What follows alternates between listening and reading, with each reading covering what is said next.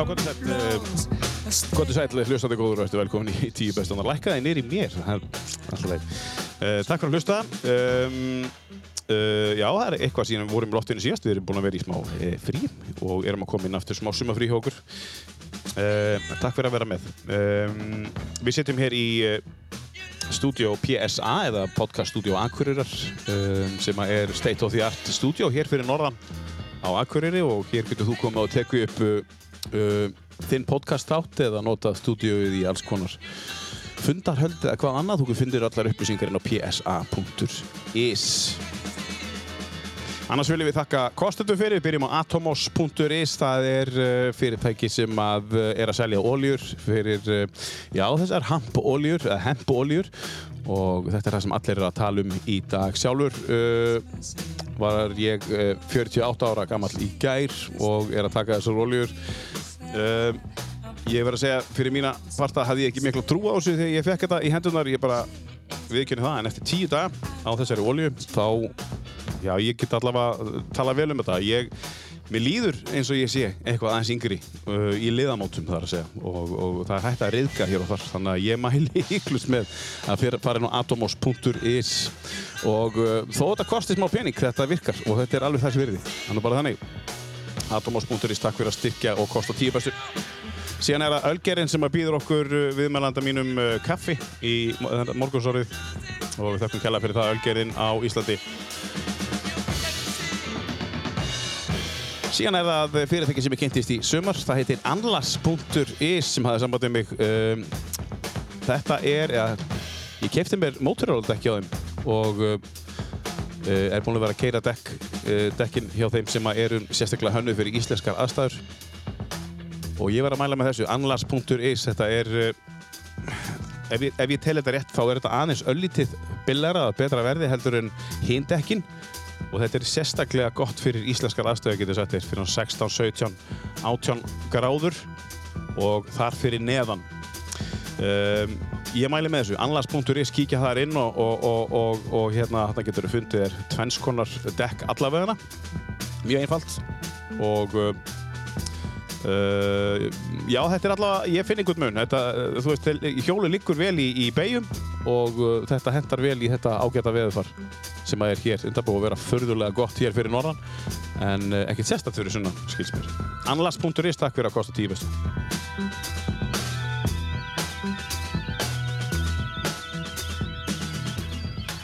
BCA.is er fyrirtæki sem að sérhafi sig í allskyns snjóflóða og varnar dóti fyrir sleðamannin. Uh, við erum að tala um bakpókana og ílutnar og allt það og um, Þetta er state of the art uh, fyrirtæki, þetta er þekktasta snjóflóða uh, póka fyrirtæki heimi, bca.is og þetta er komið til Íslands. Og það er gott að vinna með Gulla og Mikka og uh, við þakkum kella fyrir kostuna á þennan þátt, bca.is og, og það er um að gera að græja sig upp fyrir, fyrir veturinn, getið sagt ykkur og vera örugur í fjöllunum. Slippfélag Akureyrar hefur kostað þáttinn núna í sumar og við þakkum kella fyrir það, Slippfélag Akureyrar, það getur fundið allt fyrir pallinn og, og, og uh, húsið. Svo sömulegis uh, ef þú vart að mála og ert listamæður en ég vil sérstaklega tala um uh, þjónustuna þarna, hún er alveg einstök og þakka kellega fyrir það slipilega Akureyri og þeir sem eru átta niður frá. Fyrir kosturna á tíu bestu. Komið við þar og náðu ykkur í það sem er törrið síðan er það nýja fyrirtækið sem að uh, er að fara að hefja sölu á svona vögnum eða hjólhísum fyrir íslenskar aðstæður. Því voru að tala um anlas.is sem er Motorola dekk fyrir íslenskar aðstæður. Þá eru þeir að fara að selja eitthvað sem heitir Crawler CRC en þetta er sterk byður svona off-road vagn sem er eins og hannaður fyrir íslenskar aðstæður eins og ég segi sem við sálega vantað á þennan marka en vagnin er byggður úr uh, áli og hann er á stálgrind en það er svona sjálfstað fjöðurinn með tveimu dempurum konum einn og þú sér þetta alveg að þú ferð uh, inn á uh, Facebook síðan hjá, hjá þeim Tarandus EHF eða Tarandus með D T-A-R-A-N-D-U-S EHF, þú finnur hann á Facebook þeir eru að setja upp Eh, heimasíðu sem kemur í loftið. En þetta er alveg splunguritt fyrirtæki sem er að bjóða þessa frábæri flottuvagna fyrir íslenskar aðstæðar og með allskyns deppun og þetta er bara það sem við vantar. Tarandus EHF, takk fyrir að kosta tíu bestu. En uh, ég verð að segja að uh, við erum búin að reyna að ná saman, ég og viðmannandi minn í dag í einhvern tíma. Hann er nýfluttur í bæinn, uh, er hér uh, í forsvari fyrir Píata-samtökin, hann er sálfræðingur og hann er Birgir Raut Stein Steinarsson og Biggi Maus. Velkomin. Já, takk hérlega fyrir. Gaman að fá því loksins, loksins náðu við saman, Biggi. Já, nú, þetta tókst handanum. Þetta tókst að þetta. Herri, verður velkomin. Segð okkur aðeins svona, fyrst svona, uh, hver þú ert fyrir þá sem ekki vita þú ert. Já, ég, ég sko, svona spurning, ég, ég hérna, ég held að eins og allir bara, ég sé búin að vera að reyna að fatta hver ég er í, bara síðan ég var krakki, ég, ég held að ég sé ekki það sem ég er og, og eitthvað miklu meira og, og eitthvað allt annað. Mm. Um, en ég starfa sem sálfræðingur Mm. og ég starfa sem listamæður og ég er faðir og einmaður og bara, já, Þú ert ekki mikið fyrir titlapott, þú ert bara Biggi. Nei, að, veist, ég, mér finnst nú best að fólk kallar mig Birgi, sko. Já, Birgir, Ég já. er bara ekki á móti að fólk kallar mig Biggi. Það er bara, þú veist hvernig þetta er, maður er alin upp og, og svo farið eitthvað viðnefni og, og, þú bara það festist á þér. Þú veist, ég, ég var kallað Biggi S þegar ég var í, í skóla, þegar var annar sem að hétt, var Biggi B, sko. Mm Og svo stofnaði maður Maus og þá var ég Biggi Maus og ég, já. ég hef ekkert losnað það. Það er bara renn þá fast við mig. Já, já. Og hérna, já, ég heiti Birgir Örn Steinarsson. Ég sé að þú ert í KR-peysu. Já, Ertu, ertu vesturbæingur alin upp og, og sko nei, ég er ekki alin upp í Vesturbænum, en ég er Vesturbæingur. mm. Sem sagt, um, ég er alin upp í Árbænum, ég blokka barn á Árbænum. ah. Og hérna, og elst þar upp, kynnist þar strákonum í Maus og við erum svona mestuleiti Árbæðasveit. Uh, Mhm. Síðan flyt ég í Vesturbæn, bara þú veist, ég er orðin 27 ára eða eitthvað, eða 5 ára kannski, ég manna ekki alveg flytta ánga fyrst. Og hef, ég var einmitt að fatta það sko að, að þegar ég flutti loksins frá Vesturbænum að, að ég hafði aldrei búið að blengi í sama hverfi á minn æfi, þannig að ég hlýt að vera Vesturbæingur. En ég veit ekkert um fótbolta ég, ég kipti þessa peysu mitt held ég viku áður í flutu Vesturbænum þannig að ég fannst eitthvað svo fyndið að vera í KR-peysu á Akureyri K.A. KR. En, en ertu ekki fylgismæður þá í grunninn? ég bara er, er ekki hérna, fylgist ekki með íþróttum sko. Ég get ekki nefnt þér ég geti kannski nefnt þér þrjá í landsliðinu í íslenska fótbolta Já, ég skil. Bara fylgist ekkert með Nei, nei, nei, nei. En þú kemur allavega úr, úr, úr um, árbænum uh, og þið kynnist og hva- hvað eru, tölum aðeins um Mausu, við byrjum að tala um hvað voruð þið gamlir þegar þið stopnuðu hljónstina? Mástu það? já, við vorum sko konur í mentaskóla þegar við stopnum bandið en við erum búin að þekkjast miklu lengur Mhm. við erum, ég, Eggert og Daniel erum allir úr árbæðaskóla Mm ég held að ég haf kynst Eggerti fyrst þegar ég var 12 ára Já. og hérna og svo kynnist við Körver Tórótsen og sem að er svona hann er ekki í maus en hann er alltaf viðlóðandi Mhm. svona fymti mausarinn Já, það er svo leiðis, 50 bítillinn, 50 Mausan. já, eiginlega hann er alltaf með bara allt eiginlega hvað Já. sem við gerum sko Hann er aldrei fengið að vera með í hljónstina. nei, en Hann er plötsnúr ekki? nei, hann er pródusser hann hérna próduseraði meðal annars hérna Haldur Lagsnes með Mínus og Já, já. próduseraði hérna Kinder versions með Mammut og Já, já, já, af, svona pródusera fullt af góðum böndum. Og þeir strákanir hérna Eggert og Danni voru með honum í hljónsið sem myndi Brim.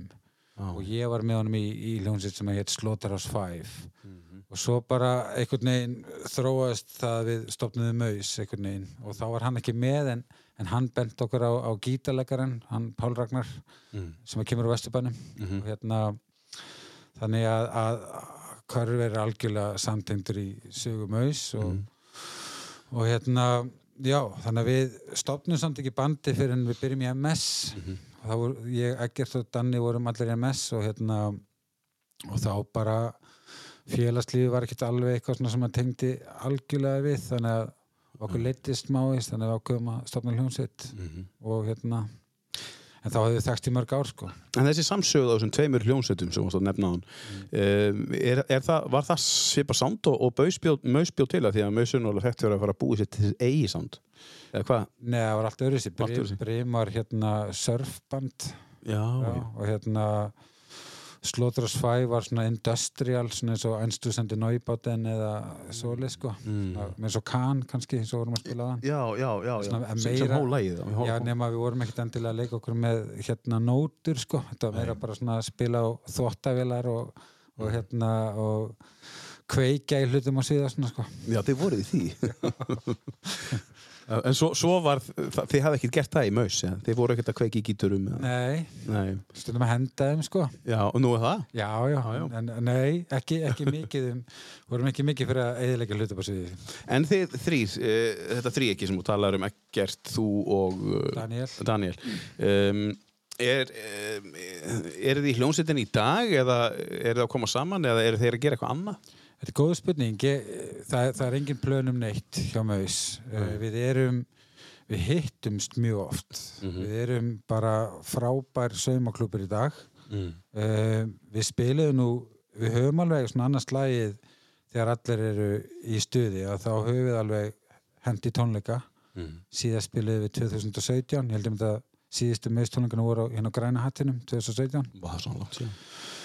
Já, fjör ár. Mm. Nema síðan þegar ég fór í hljóðverið og tók upp nýja lagið mitt, þá spila þeir undir, sko. Já, já, já. Þannig að það, þó að það sé ekki maus, að þá, þá eru þeir á hljóðfærunum. Um, þannig að, að það er bara virkilega fallega vinnata á mill okkar og hérna, en bara mjög mismunandi hvar menn eru stattir, þú veist, það er ekki allir sem að nenn að standi í þessu eða þú veist, hafa áhuga á því hreinlega, sko. Þannig að það hefur svolítið stoppað það. Það er bara, og líka það að maus er svona hljómsveit að það gerist ekkert nema allir fjóri séu sammála. Já. og líkunar á því að það gerist þessa dagana eru bara eh, ná- nánast engar sko. Allir mjög mismundi skoðanir öllu. En þá kemur inn á einmitt það að hérna, þú ert nú mentað sáfræðingur um, að hann kom mín hann hérna uh, Stefán í Dimmu. Og, og hérna og hann sagði mér að, að, að svo hljómsveit hefði farið í einhvers konar ráðgjöf um, og verið fyrsta bandi hér á Íslandi eins og Metallica gerði. Mm. og fór í, fór í ráðgjöf og, og hann sagði að það ætti fleiri band að gera þetta. Hætti maus áður en það kom upp konfliktar eða, eða komi bara aldrei upp konfliktar svona sem þurft að koma oft konfliktar. Já. ég veit ekki hvort að maus ég hætt. Nei, já, meinar, já. Og ég held að hann hafi aldrei hætt. Nei, þetta er eins og segi maus er, er, er stopnuð upp úr vinskap Mm. og svona vinskapurinn er ennþá lífi já, allir hressir þannig að það er alltaf bakuð eira hjá okkur að, að, að ef að ykkur tíman við varum til að gera eitthvað þá myndum við gera það sko. Þannig að ef að kæmi bóð til dæmis um að spila á okkur um stað sem okkur er alltaf langur til að spila og hann aldrei gert þá eru alveg líklega til að segja já sko. mm bara ef allir, ef að passar við tímaplani hjá öllum og svoleiðis og, og eiginlega svoleiðis fyrirspurning þetta að koma með löngum fyrirvara. Þessari sveit sko. En Já, þannig að við erum ekkert veist, ég, ég veit ekki ég veit ekki hvort þessum hættir, starfandi eða hvað, en allan að vinskapurinn er í gangi mm.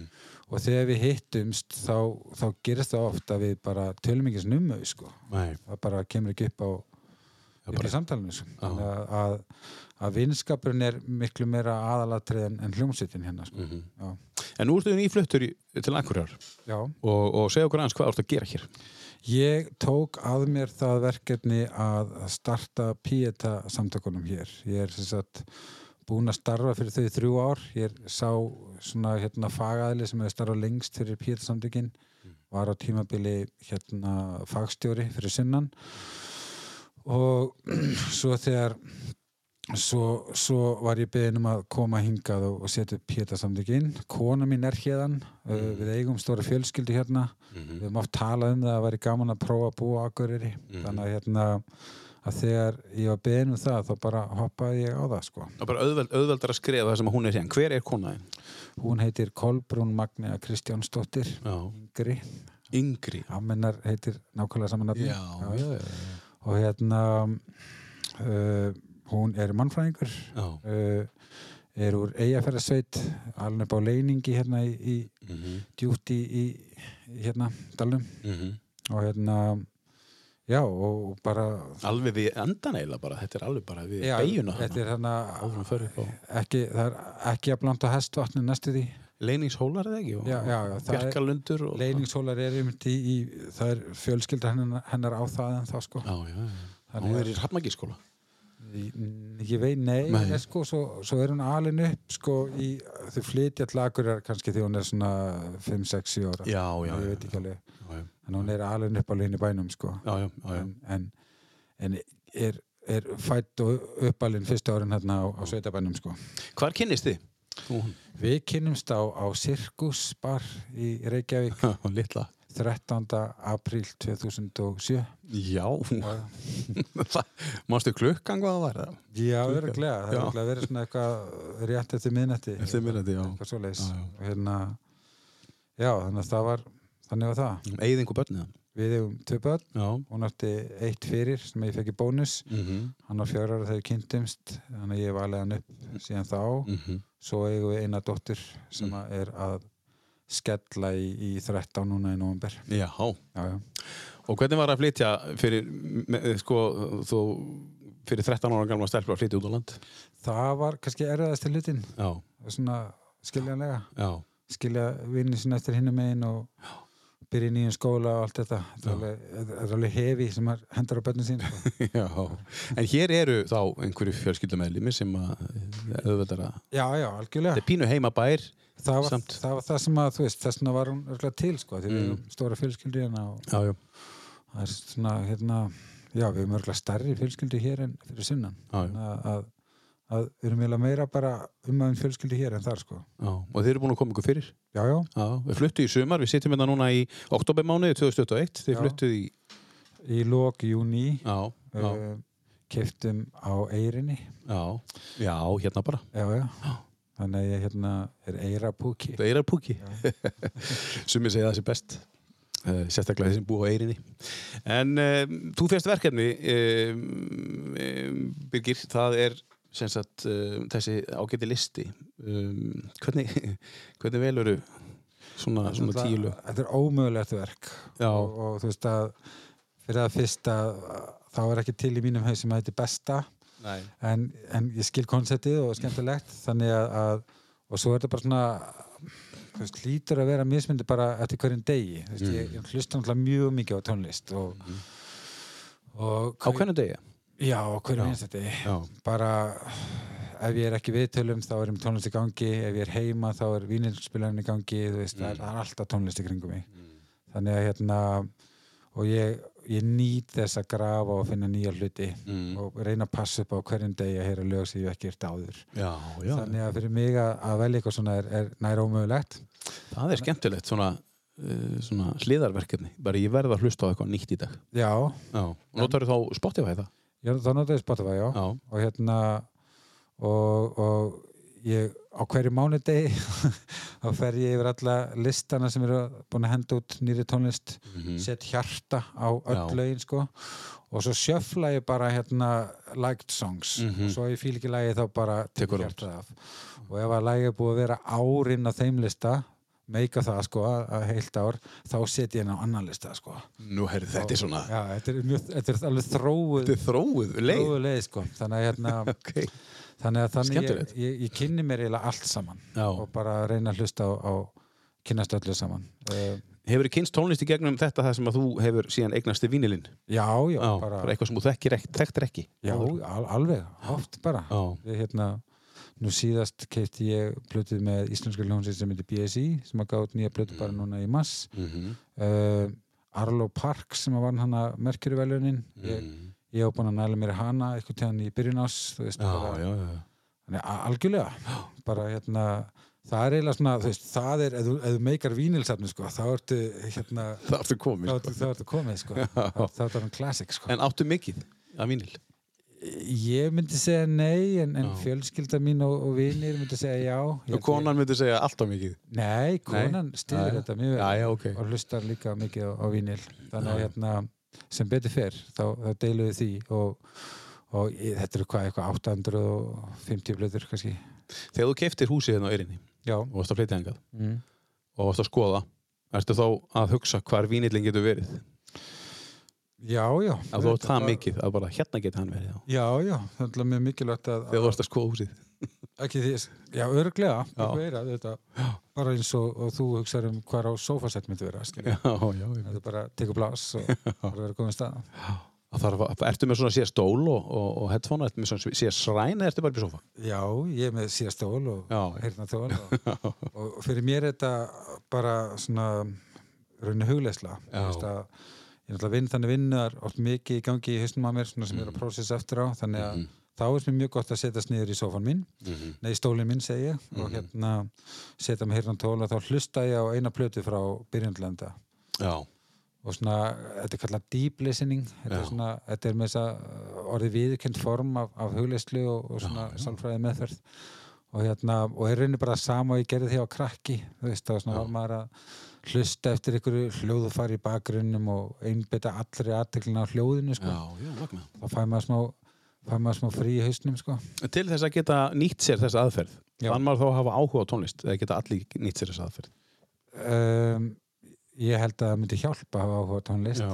en ég, ég get ekki ímyndið mér annað en allir hafi einhvern áhuga á tónlist sko. það er bara hvaða tónlist Já, já, Veist, það er hérna og það er eiginlega því meira sem að kafar í tónlist þá fattar að, að það er bara til tvenns konar tónlist. Það er bara til tónlist sem að hreyfir við þér og þetta er tónlist sem að hreyfir ekki við þér. Og það er enginn rétt fyrir sér það, það er ekkert eitthvað þó að einhver segir bara hérna Metallica er besta ljónst í heimi. Já. þá bara er það Það er svona þá er þá er það satt hjá honum sko. já, já, honum, já.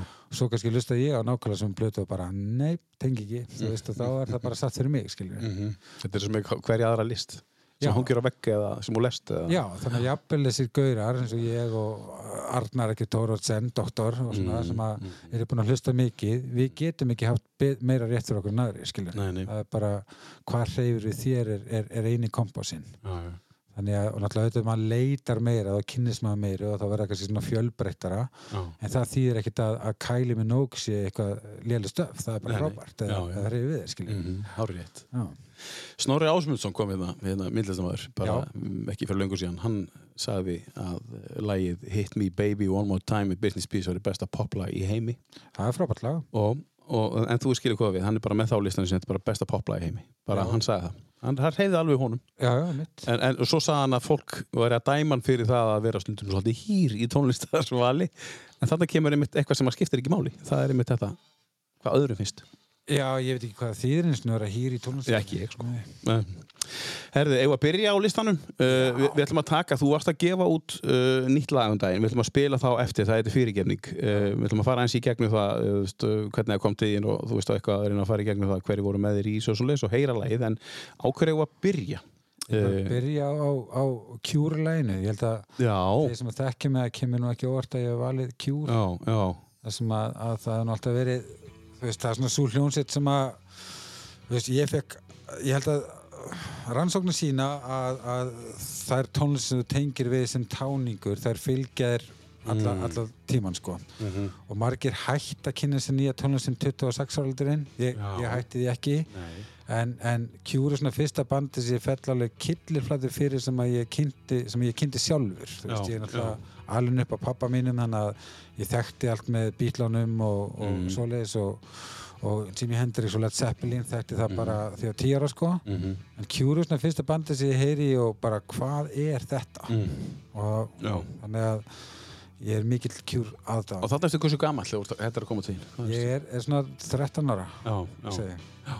og alveg fáralegt að, setna átt í svo eftir að kynnast þeim og vera vinnið þeirra og hérna, Hvað segirðu? Persónulega? já já, hann, spilar á plötunni hérna Roger O'Donnell sem er hljómbústleikari Cure, hann spilar á, á einni mausplötunni, Það er alveg einstakt já já Förum aðeins í það og eftir, Já. hvernig það kom til og svona. Við ætlum að heyra aðeins í, hérna brótur þessu frábæra læri, Pic- Pictures of You, fyrsta lægið að listanum hans spika. Haus.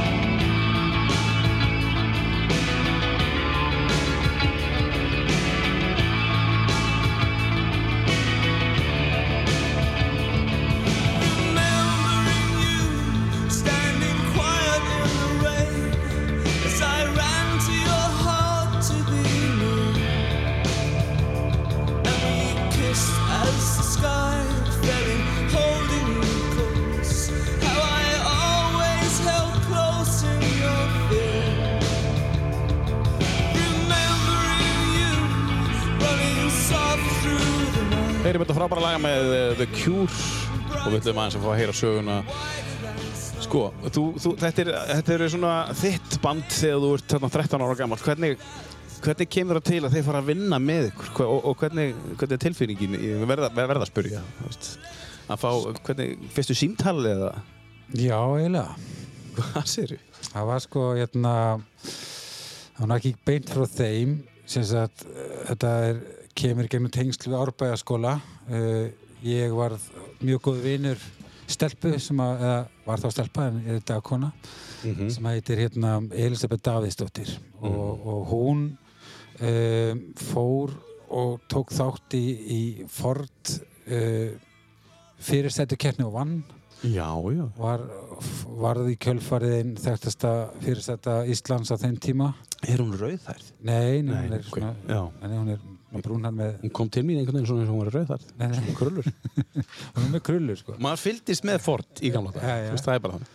Og hún hérna sem sagt varð kærasta hljómbásleikarans í kjúr Já, og hún náttúrulega vissi að ég var mikill kjúradagandi þannig að einn daginn er ég bara ringir hún í mig og segir Heru Birgir hérna til að hittum á er bara með nýja kærastanum? Ég bara já, ok, ég kem. Og þá er það sem sagt Roger og Donnell úr kjúr Og hvernig var það? Það var náttúrulega bara fárálegt ég var svo mikill fanboy að ég var bara eins og ég verið að missa meituminn sko. og hérna sönduminn og hérna og, og var bara algjört fanboy en ég er líka svona uh, óþólandi ákveðin held ég. Þannig að ég spurði hann bara á staðnum bara já, ef, ef hérna við myndum vilja fá til að spila kannski með í einu lagi með meðis ha ha ha, bara væri til? Eða hann náttúrulega þóra ekkert annað en að segja bara já, já, já, auðvitað. Já, þetta hann að áður en hann vissi veist, þá var ég bara búinn að bóka fyrir að flugfar og, og stúdíu og fór með hann í hljóður ég áttum á því í Þetta dag alveg að einstakt. ég var kannski svolítið ítinn sko, en, en, hérna, en hann mætti og spilaði allir í blötunni á Lóð mér að falla því neyra Hvað þetta segja? og, hérna, og í kjölfarið þá skapaðist bara mjög góð vinátta alveg, við heldum alveg áfram að vera vinni jafnvel eftir að hann og Elisabeth hætti að vera saman og, og þegar ég bjó í London þá var ég oft hangandi með honum og, og hérna hans vinum og, og restina bandinu og, og hef bara sem sagt hérna já, bara upplöða ótrúlega luti sko, bara með, með þessari hljómsitt að, Þetta er nú alveg svona uh, frekar einstakt en, en ég sé að hann er ekki nefndur eða nefnið hann sem hljómbórsleikara í nei, hann alltaf kemur ekki í credits af því hann er alltaf bara ekki hljómbórsleikari hann er þú alltaf ert bara að skoða Spotify hann er mjög vel kreditar á, á, á plötunni Á plötunni, já. og, hérna, Já, þetta var nú alveg líka eitthvað blagamál á sínum tíma og, og, og sjónvarpið mætti í, í stúdíu og svona sko, þetta var, alveg, þetta var nú ekkert lindamál þannig að hérna þannig hann er að spila hér Nei, hann spilar ekki þessu lagi. Nei. Hann spilar á mörgum öðrum. Já, ok Þetta er náttúrulega svona bara á rockari, sko. Mm. Það var ekki pláss fyrir hljómbari þannig. Nei, nei, nei En þetta er, er sko við förum aðeins í, í, í, í maus og eftir um svona að klára þessu umræðu er þetta eina af, er þetta stærsta platan ykkar? Lóðum bara að falla þínu eira Ég áttum ekki alveg á því, sko. Það, það eru þarna tvær sem að seldust mjög svipað. Þetta, þetta er eina platan sem að hefur náði gull. Já, Uh, platana eftir í þessi segundbrósi flýt, þar er vinsalasta lagið okkar á Mhm. Spotify til dæmis. mm Það hefur verið já. sem er mest spilað uh, og önnulög. Þannig að alltaf sé ekki þessi og platana eftir. já Þetta er lómar að falla því neyra. Uh, í þessi segundbrósi kemur 99. mm og svo var síðasta platan okkar, hún seldist líka mjög vel Mhm. en svona já, hérna, þannig ég átti mikið á því. Ég myndi segja að það væri allavega sé ekki þessi, jú. Mm. allavega e- eina sem hefur náði gull. En hvað gerist í kjölfarið? Eh, Myndaðist einhver vinskapur millir þín og, og, og, og hljómbórsleikarins í kjúr? já, já, ekki bara milli mín bara milli okkar allra í hljómsveitin og hans. Já, við hefum oft farið út og séð á live og verið að hanga með um baksviðis og ég hef meira að segja eitt súræðilegasta augnablik sem ég hef upplegað með hljómsveitin í kjúr var þegar ég sá þá í París og fór svo með þeim eftir hérna tónleikana uh, á veitingarhús bara um nóttina, bara svona sér svaka gúrmi veitingarhús og einu sem voru á staðinu var ég, hljómsveitin, mamma og pappi Róbert Smith söngara og, og sýstir hans og konans og, og kærasta mitt á, á þeim tíma.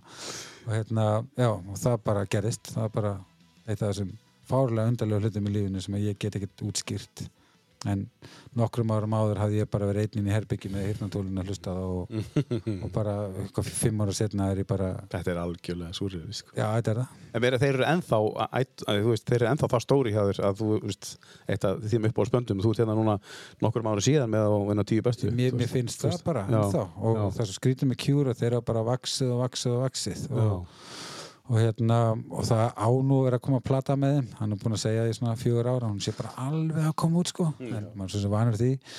En hérna en ég hlusta alltaf þegar kjúr gefur út. Þeir, þeir hafa ekki gefið út. Þeir hafa náttúrulega gefið út svo uh, höfundaverk þeirra er náttúrulega risastórt og fullt af plötum. Og ég held að ég þóra að segja að, að það er kannski svona ein kjúrplata sem er ekkert sérstök. Hinnar eru svona finnst mér fínar sko og, og það sem eru góðar eru bara þú veist, bara með því betra sér. Myndur þú að nefna þá plötu bara hérna, eða myndur bara eiga fyrir sjálfa þig? það er hérna Disintegration sem við vorum meira að laga á Já, það finnst mér að vera mestarverkið þeirra. Já, en, en bara ótrúlegt band sko því að þeir hafa aldrei allt tískuströma hafa alltaf verið bara nákvæmlega eins og þeir eru hafa aldrei reynd að þú veist, hafa ekki ef að, að tónlisti farið einhver, átt þá bara hafa þeir haldið áfram í sín einhvern veginn og, og eru í dag örgulega vinsallin þeir voru, þú veist, þegar þeir voru vinsallin sko. við skoða til dæmis bara uh, Spotify hlustanir þá hefur bara bandið vaksið og vaksið með hverju ári Mhm. og fyrir tveimur án síðan þegar þeir voru að túra síðast þá voru þeir mest googlaðasta hljómsveit heims Hvað sér? og Þeir eru ennþá með sko 11 miljónir monthly listeners sko. já, já, sko band sem eru svona gammalt sko. já, Þetta já. gammalt sko. og hefur ekki gefið neitt út í, Nei. í, í 12 ár í 12 ár já. það er bara askoti gott en e, mér langar að spyrja hann er nú svona, búið með sér að vera með svona sérstaka sviðsframkomu og framkoma Robert Smith hvernig náðu að gera þetta? Er þetta bara hann er, hann er bara svona eilíðar svona úlingur sko Já. hann er svona hérna, hann er ballaus uh, ákvaði eignast ekki börn uh, sinnir bara listinni og, og svona sjálfum sér. Uh, bara elskar þetta elskar að, að gera tónlist og, og fara á- út og og er svona samt mjög, hann er alltaf fóringin sko, hann er það sem hann segir það verða hinn að gera, þetta er ekki eins og Já. önnur er, hinn eru bara í vinnu í honum sko, já, já, þannig að hérna þannig að, að hann bara mjög viðkunnalegur og, og, og skemmtilegur. Já, já. Og kann að halda elskar fótbolta. Ég slasaði og vart bassalegarinn eins og vorum að spila fótbolta tæklaðan í jörðina. Hvað segir þið? hérna en Róbert hann kann allan að, að drekka brennivín og hérna við, við testuðum það. Og hérna já og er bara þú veist, er bara, ég held að það sé rosalega staðfastur, bara Mhm. vill hafa hlutina þú veist, vill ekkert Mm. of mikið af breytingum og svona nei, sko. nei, nei. og það er svona svolítið svona það sem mér fannst bara svona eiliðar þú veist, bara eins og hann bara ákvað 25 ára að þetta er bara fínt sko, ég þarf ekki að þróast neitt mikið með já, ég er bara alltaf að vera þarna. Já, já, ég man þegar þetta lag kom út með. Já, já, þetta er náttúrulega popslagarinn. Já, þetta er svona það, það, það, það, það er búið að vera eitthvað pása höfðin svo kemur þetta Nei, það er ekki verið pása Nú er ekki pása? Þetta lag kemur bara tveimur eða þreimur árum eftir að Disintegration kemur nú er svo leiðis, já Þetta er akkur bara hátindurinn þeirra Þú veist að þetta var en finnst þér þetta ekki verið svolítið öðruvísi? Nei, Nei, ekki. ef þú hlustar á Cure þá er Já. þetta ekkert ótípisk Cure-lag sko. Nei, nei. þeir, þeir eru bara alls konar Þeir, eru, þeir, gera, þeir hika ekki við að gera poplög þeir hika ekki við að gera mjög drungalega lög sko. Mhm. Þeim Uh, til þess að klára uh, þessa kjúr umræðu þá, hérna uh, kom plata sem heitir The Remixes.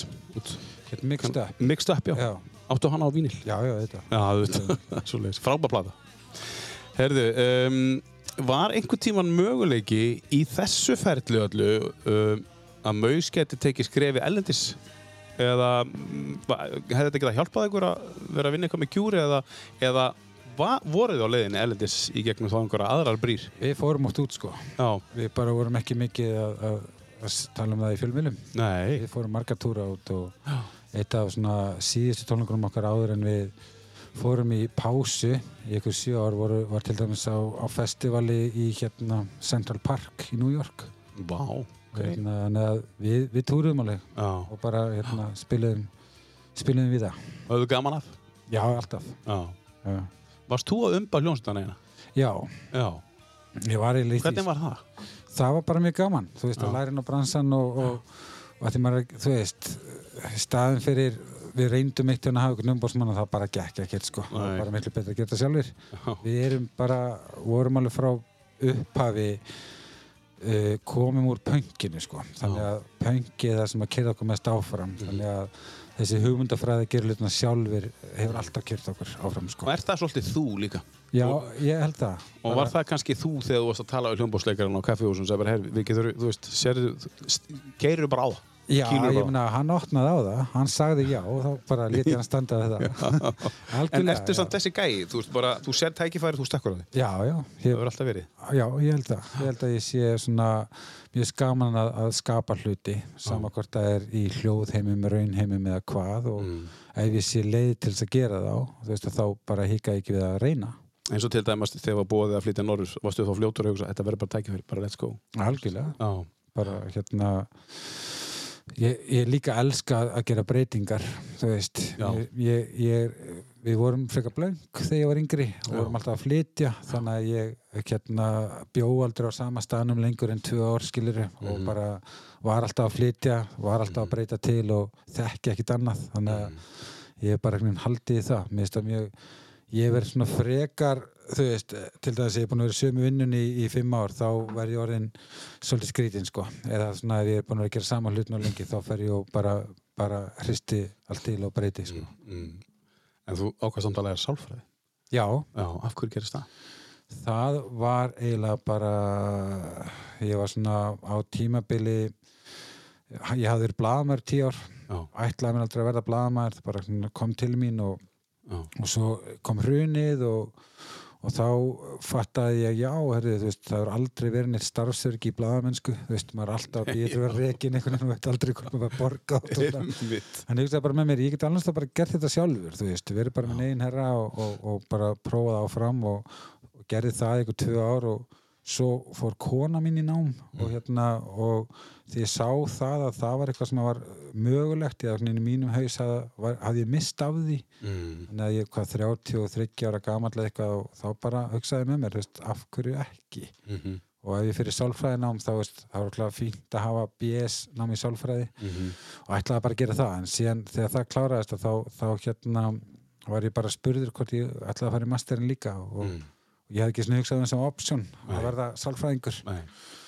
en síðan fór ég bara eitthvað að spá í því veist, að, að, að, þetta er ótrúlega gefandi starf Já. þetta er skapandi okkur minnsta degi þú veist aldrei að gera það sama og einhvern veginn svona alltaf að þú veist, svona líf sem að lífið býður alltaf upp eitthvað endurlega fjölbreytileika sko þú veist, þannig að Já. ég bara hoppa á það Þeir sem þekkja þið best, Já. eh, segja þeir, þetta er ekta starf fyrir þig. Ég veit það ekki. Nei. Ég, ég átta mikið á því, sko. Ég öruglega. Já. Ég er ekkit endilega möðstærarnir samt, sko. Nei. En kannski allir aðrir. Já, ekki Daniel og ekkert. Nei, sér- sérstaklega ekki er. Uh, hvað þá, hérna, bróðusendin? Hververinn? Já, ég bara, ég, ég, ég veit ekkert hvað þeir hugsa. Og þess að skrýta jafnvel þegar þessi búin að vera vinni mínir í mörg ára, þá er alltaf að, að koma ávart með hvernig þeir hugsa, sko. Mm. Það er bara fínt. já, já. Herru, tökum uh, næsta lag. Hvað þið var að taka? Svo þegar við erum búin að taka það, þá ætlum við að fara eins í, í, í, í lagi sem varst að gefa út fyrirgefning. Já. Hvað viltu taka að listan núna? Tökum hérna bara Smokey Robinson and the Miracles. já, já. Okay. Þetta fær bara, meina, þetta er listið þinn í dag, 11. oktober eins og þú segir, hann geti breyst á morgun. Já, þetta er örugglega alltaf um dán. Þetta er alltaf. Svona, hérna, ég man, ég kynntist þessu lagi, um, ég spilaði tölvuleiki á Commodore 64 og með leiknum Platoon það fylgdi snælda, kasseta, Mhm. með þessu lagi á, Mhm, sem er úr myndinni mhm. og ég tíu ára gamall og þetta var ekki tónlist sem að var að finna í plötsanni pappa minns, sem Nei. er meira rock-oriented, gaur sko. Mhm. Þannig að því ég heyrði þetta lag, þá bara tíu ára gamall, þá bara gæsa á það sko og ég bara Vá. Ég bara líður ennþá þannig. Það er eitthvað, eitthvað ótrúlega galdur í þessu lagi sem að, hérna, Það kom tíðin þá og það er ennþá.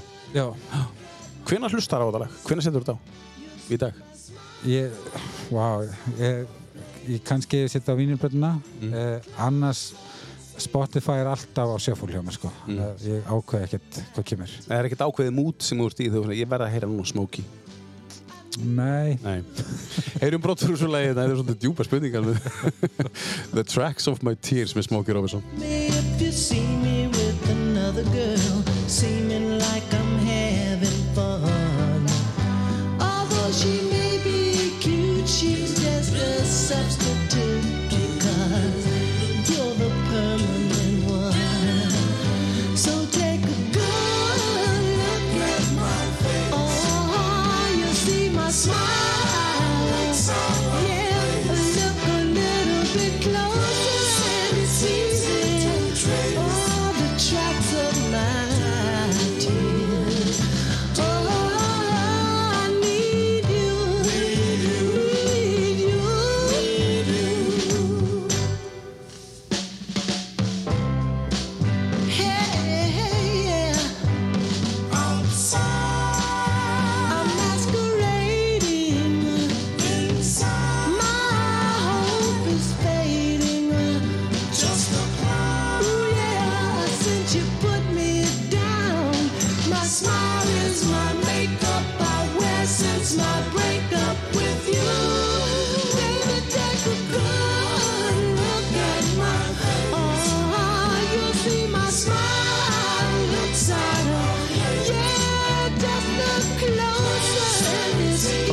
Smokey eh, Robinson og það er nú kannski allt í lagi að tala um þennan gæja aðeins.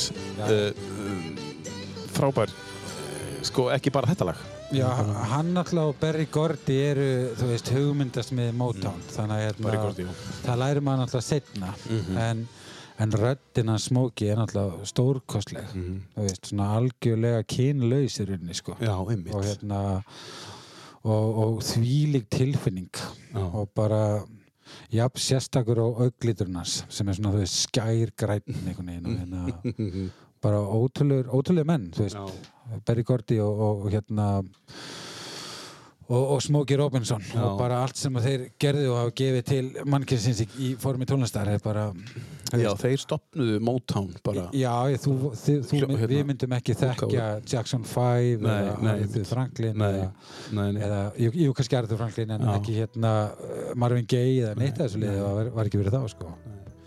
Hann, hann, samt, hann var til dæmis með þetta henni líka. Þú ætti að rifja, bara allt, mér finnst alltaf gaman að rifja svona, svona gauðra upp. Já,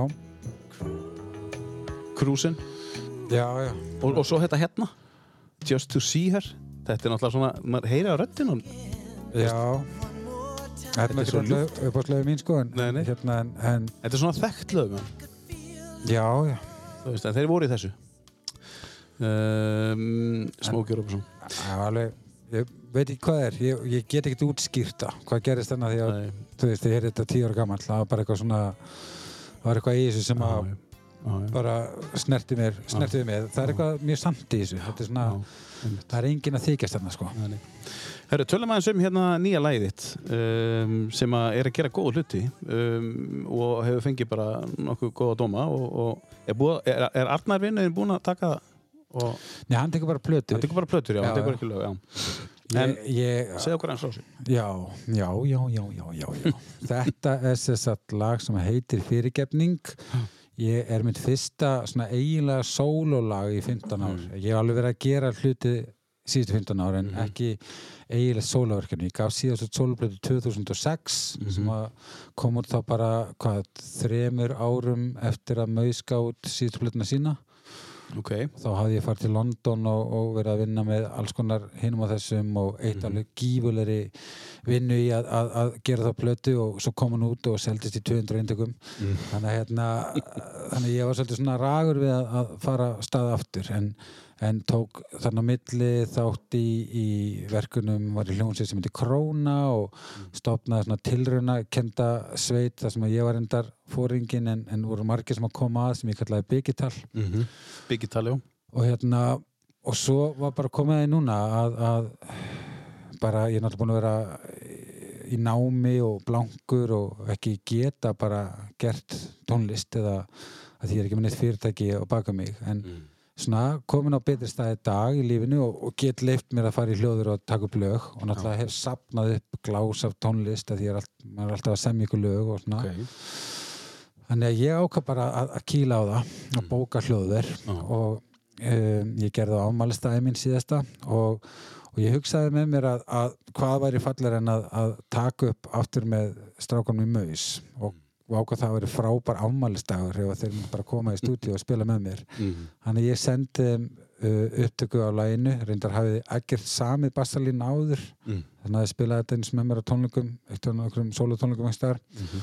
og þannig að mér varst frábær hugmynd að, að þeir myndu hérna spila með þannig að ég uh, bauð þeim að koma Mm. og, og þeir sögðu já og mættu og hérna það var alveg yndisluðu dagur og bara gaman að deila þið aftur með þeim að því við höfum alltaf verið að hitta skiliru og Mhm. bara mjög oft en alveg ekki hitti okkur svona eðlilega umhverfi í 17 ár. Ó, vá.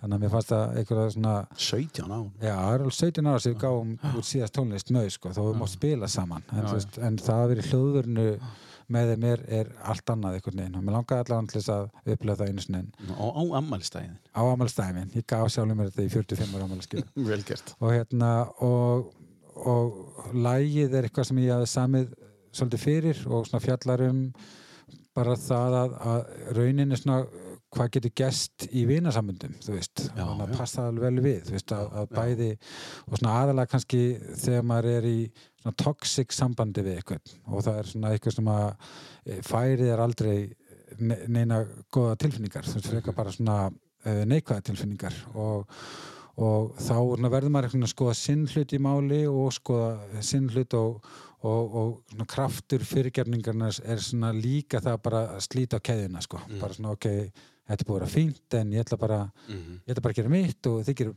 þú gerir bara þitt skiluru Mhm.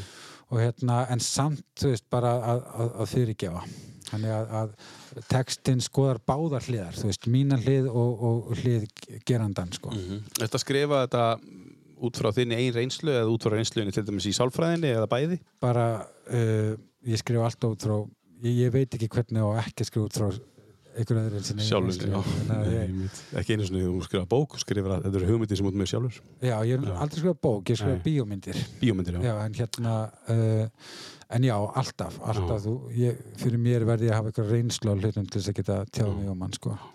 þannig að, að þetta er algjörlega þetta er bara um hérna svona vina sambönd og, og Mm. hvernig það getur verið Heyrim þetta lag. Uh, þetta lag er ný útkomið þannig séð og það heitir Fyrirgefning og er að finna til dæmis á Spotify. til að finna fyrir frið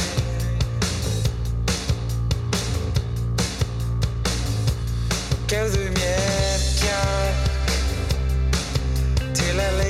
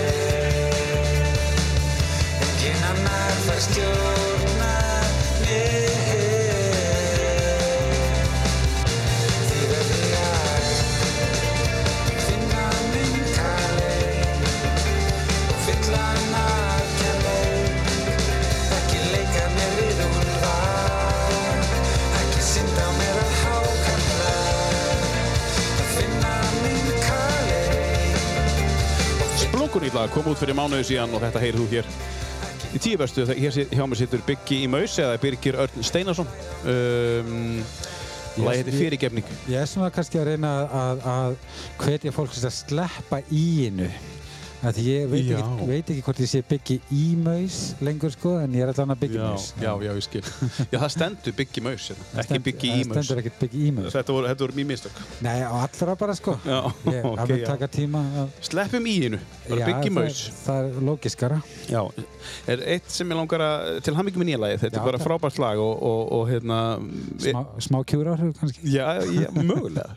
En er á leiðinni inn á einhverja playlista og Spotify og ég misti þetta annað er Ja, á- fulltæðum bara, gengur bara mjög vel Já. og hérna og búið að vera mjög gaman svona síðustu vikunar að, að mánu sig gáða út og svona eins og ég er bara, þú veist, svona gamli kallar gefa tónlist, veist, það er ekki allir eitthvað hoppandi húra á fyrsta degi, sko og sérstaklega, þú veist, þeir að rúfa ykkur þögn en svona síðustu tvær vikunar er hlustunum alltaf verið að stækka og stækka og vera meira og meira, sko Ég meina, Eddie Vedder og allir þessi kappar, menn, þú veist, þetta eru út um gamli menn, en.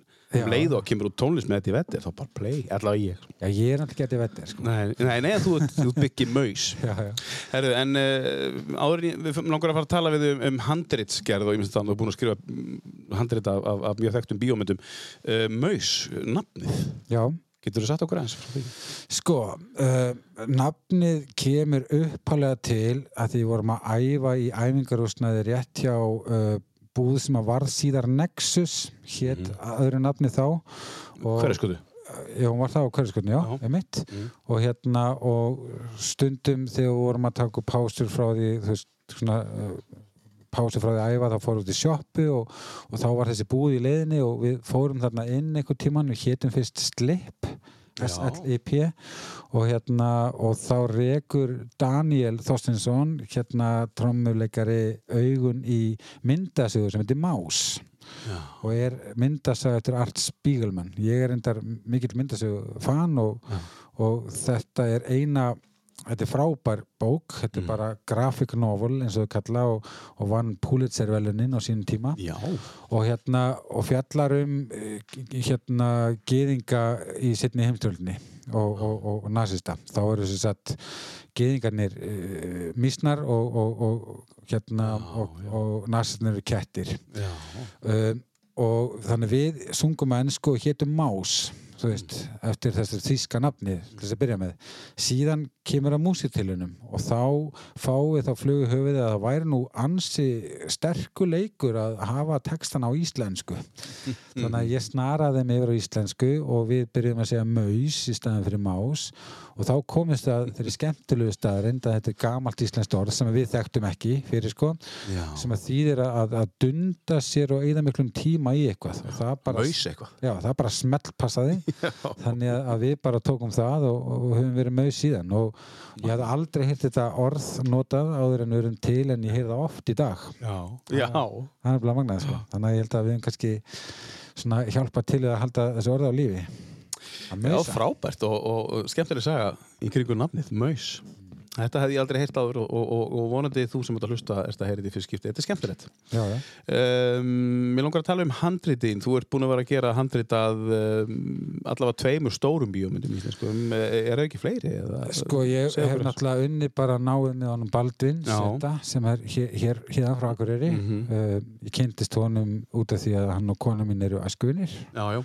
og hérna hann ég hef skrifað með honum vonarstræti og lof mér að falla og ég Einmitt.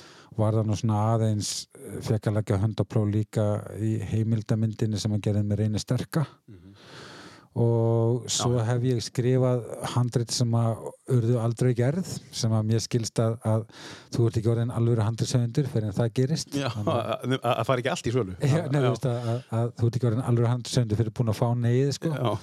Þannig að ég á alveg handrit sem hafa ekki verið gerð líka.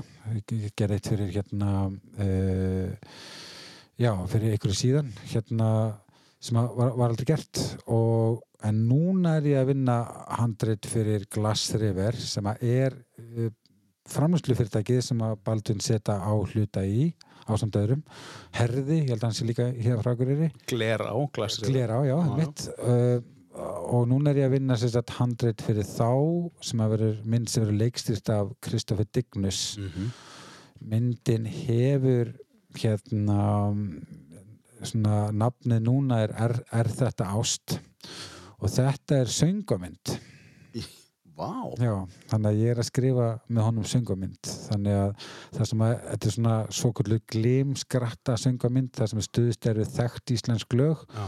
og svona samin hérna uh, sögutráður í kringum þekkt íslensk lög þannig að þú kemur á myndina og Mm. þú þetta er þekkja alveg 95% af lögunum en aldrei séðu í þessu samingendilega sko. Rock of Ages kemur upp í mér þegar ég, hérna, veist, það er, það er handrit sem var gert með svona gamalli 80s rock tónlist. Já, ég hef ekki séð hana, ég hef ekki séð hana og þá kemur allt þetta gamla glis rock sko, sem þú þekkir en, en, en allt og handrit er bara bíómynd Já, hann, það, þetta er alveg sér já, saga sér saga já, sko. já, og hérna, já. ég hef ekki séð hana ég, en þetta er svona bara eins og Molan Rús hún er svona glimskrætta Mhm. Glimskrætta söngleikur sko. Og hvernig er að skrifa er þetta fyrst skiptið sem þú skrifa söngleik? Já, já, og hvernig er það, er eitthvað öðruvísi eða? já, það er allt öðru já, það er alveg geggjað þú veist að, að þarna blandast saman þú veist, mér finnst svona eins og þetta hafi bara verið mín örlög að, að búa til söngum minn því að að blanda saman hérna handritsöfundurinn uh, plötusnúðurinn, tónlistamæðurinn sálfræðingurinn, þú veist, allt í eitt verkefni einhvern veginn sko. Vá. þannig að hérna þess að ég fæ að velja lögin og, og ég þarf náttúrulega að passa textainhaldið uh, mjög vel og, Mhm. og það er svona s- passi við söguna og, og svoleið sko Mhm. og svo þarf maður að, að búa til sögu sem að maður vonast til þess að, að, hrist upp í fólki Mhm. og svona, þannig að hérna ykkur hefur nú tekist það með eh, vonastræti og lómar að falla já, já, ég held að það er nú kannski ein pælingin að að, að, að því ef, ef átt að gera svona íslenska mynd að þá hefði verið fáralegt þegar hún hefði bara verið hérna allir hoppandum á bleiku skí sko. Mhm, þetta er mhm. alveg íslenskur veruleiki þótt sé ekki Mhm. raunveruleiki því að fólk brestur í söng bara í Já. mjög klíður sko en, hérna, en þetta er bara ótrúlega verkefni og bara ég, ég er að hafa virkilega gaman að þessu er þetta fyrsti svona íslenski bíómyndasönglingurinn sem fyrir á kvíðartjaldið Nei, nei, þú veist það náttúrulega með alltaf hreinu er söngleikur. Það er söngling Já, og hérna framhaldsmyndin af því það er til hérna Regína. Já, já, já. Alveg til íslenska söngamyndir en ég held að þetta sé fyrsta svona glimskratta Mm. söngamyndin sko, Mm. það sem hafi bara verið að styðjast við eldri tónlist og Mm. rauninni ekkit ósipi hugmynd og kannski Vestló myndi gera fyrir ykkur svona já, nema, já, nema bara sem bíómynd og svona allt er tipp-topp og Mm. bara hérna og sögutráðun er þú veist, e- ef, að, ef fólk verð ekki að, að hlæja og gráta Mm. að horfa á myndina þá hefur mér mistekist sko.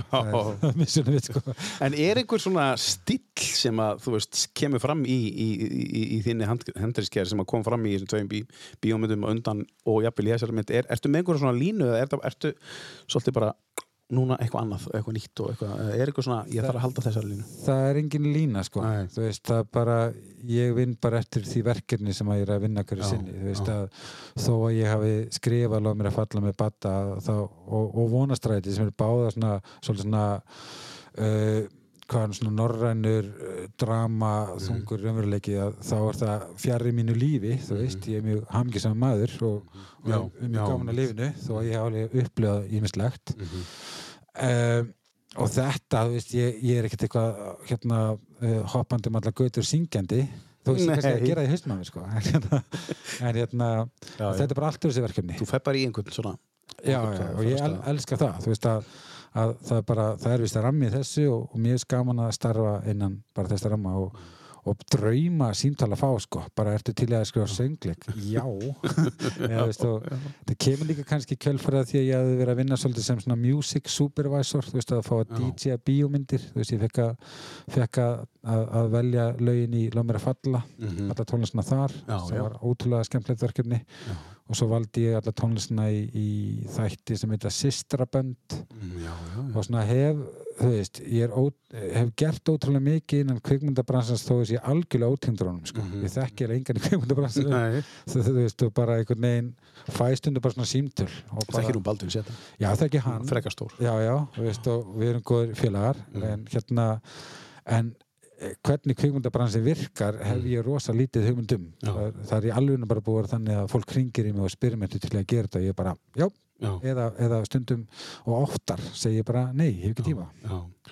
Það voru að fá þessu símtöl og, uh, og það er alveg, þú ert líka orðin þekkt, þekkt nafn í handreitsgerð á Íslandi með, meina, þú veist að tvær myndir um, það er fengu ellendis einhverjar viðkenningar og, og, og velun og, já, já, já, Bá, Já, báðar fengu það sko Já, og farið ellendis og sótt einhver velun og, og, alltaf fárálegt, þú veist, ég skrifa mitt fyrsta kvikmyndahandrit og fekk edduvelinu fyrir Akkurat. þú veist, það, ég byrjaði á já. allt hér eftir er bara á við, sko.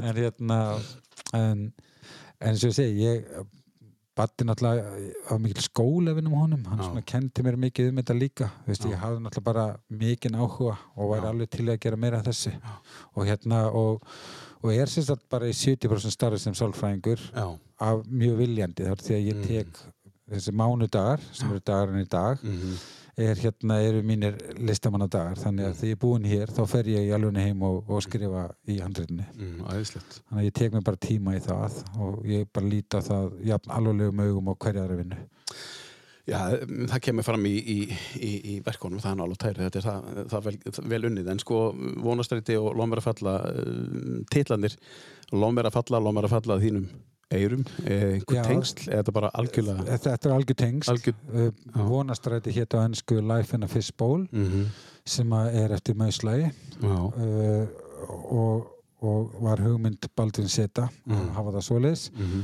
uh, hérna loðum mér að falla líka Baldvin Seta Mhm. að, að, og það var algjörlega í höfuð á, á þessari mausblötu -hmm. ég kom ekki nála því, það var, var hans hugmynd sko, en ég samþýtt það í bæði skiptin Mhm. en í báðu myndum eru referensar í, í mausteksta uh, karakterar línur sem fólk segir og Mhm. verður líka í nýju myndinni sko mér er gaman að tvinna svona hluti Mhm. saman svona fyrir þá sem að er að fylgjast með þessu náttúrulega langflestir eru bara Mhm. ekkert að pæla í þessu og taka ekki eftir, eftir þessu já. en séðan svona tveið, þrýr eru bara aaa, Já. já, sniðið sko kannski er Baldin ein- er hann að finna sko hann vilji að fólk fatti að uh, þú sett að vinna með sér og þá hendir hann sko þessu inn í titlana sko. Hann- kannski er komin einhver lína hann er ekkert farið launingum með það sko. Og hérna og hann er mjög góður í að deila hérna uh, de, deila því, þú veist, að hann er ekkert verið að fela mig neitt eða, Nei. og leitt mér að, að ég held að sé ekkert oft sem að handrisöndar fá exposure yfir höfuð sko.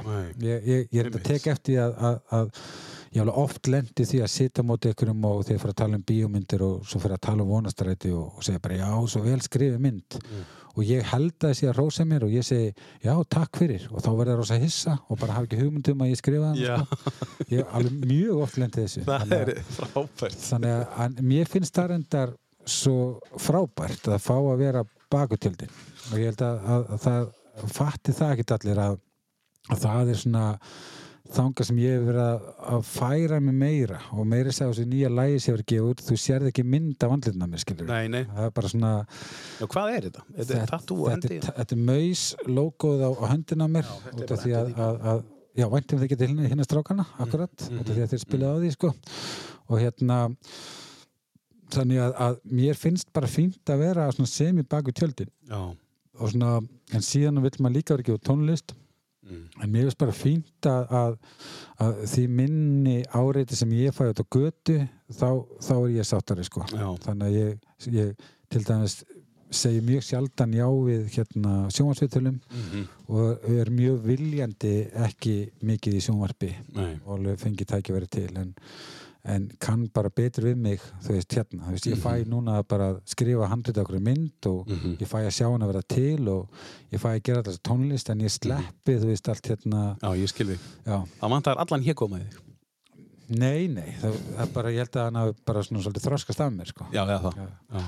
En það er bara jákvætt. Það er bara mjög gott af því að það, þarna lætur verkinn tala, sko. Já, mér, mér finnst það, þú veist, rök réttara. Að því hitt getur trublað svo mikið, sko. Já, já, Og ég bara kynst því sjálfur, þannig að það var svona já. sem ég tók bara, veist, ég, svona, ég þarf ekkert að vera að íta mér áfram, sko. Og oftast finnst mér í svona uh, verkefni sem ég er að gera með öðrum, þú veist, eins og bara svo Pieta, ég er, Mm. ég er mjög sjaldan andlitið út af við hjá Pieta nema kannski inn á Akureyri Mhm. en aldrei í bænum þó ég sé mjög, þú veist, ég er einn af, af þremur sem að hérna sem að að stýri hlutum þar veist, og, en, en ég bara ég byrð aldrei um að fara í viðtöl og, og fer ekki viðtöl nema einhver hjá þeim byði mig um það og þá Mhm. kannski teki ákvörð með það sko. Mhm, mhm. ég bara kann vel við það bara að, fá bara að gera mitt og, og, svona, sjá það gerast og, og ef ykkur er að fylgjast með þá bara frábært skilur Það er bara, þetta er frábært viðhorf og, og hérna kann að meta það, það er engin spurning uh, Lætu við verkinn tala það er, það er bara þannig Hvað er að taka næst, uh, Birgir, af listaninum? hvað var næst? Ekki- Þetta hérna er, er, er í samkvæmt röðinni Já, tökum það bara Já, já, segðu okkur aðeins frá uh, af hverju þetta kemur, kemur hann inn ég, ég er bara mikill aðdándið The Beach Boys út af, af bremin í gamla þetta kom, Nei, Nei. nei, en kannski get ég þakkað hann og Daniel Þorstensinni sem að verið maus, hann kynnt okkur svolítið fyrir Beach Boys, hann er svona mm.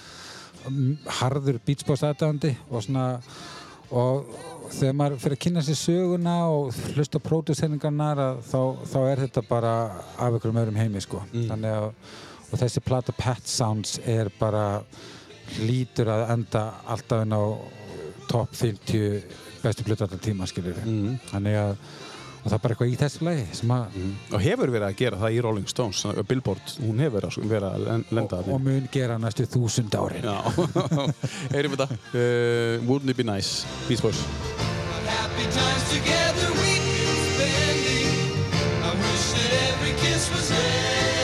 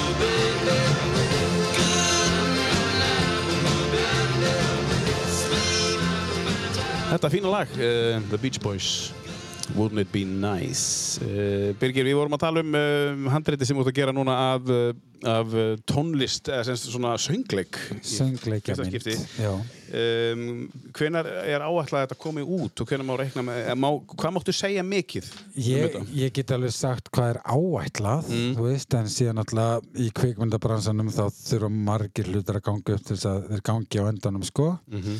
Uh, mér skilst að, að það sé stemt á tökur næsta sumar Mhm. og myndin eigi bara að vera tilbúin fyrir næstu jól sko.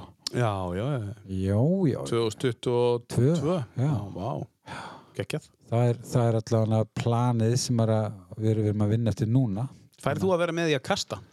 Nei, Af því að þú tandir sögur Nei og, og Guðs er lof sko. Já, að, já ég, ég er rosa var um það að að vera handisöndir er alveg svolítið sérstakt því að þú ert að skrifa einhverju mynd og ég er með einhverju mynd í höfðun á þér og þú verður að vita það að svo mynd sem þú ert með hausnum á þér það verður aldrei lokan í staðan og að því það er svo að því kvikmyndagerð er svo mikið collaborative dæmi þú veist ég er ekki leikstjóri ég er ekki hérna búningahönnur, ég er ekki leikmyndahönnur, ég er ekki myndatökumadur, þannig að þú verður, og ég er ekki leikari, þannig að þú verður að treysta fólki fyrir sínu, skilur. Mhm. Þannig að þú verður að passa líka á að skrifa, að sé ekki of dítila, þannig að leikarinn hafi smá rými fyrir sig.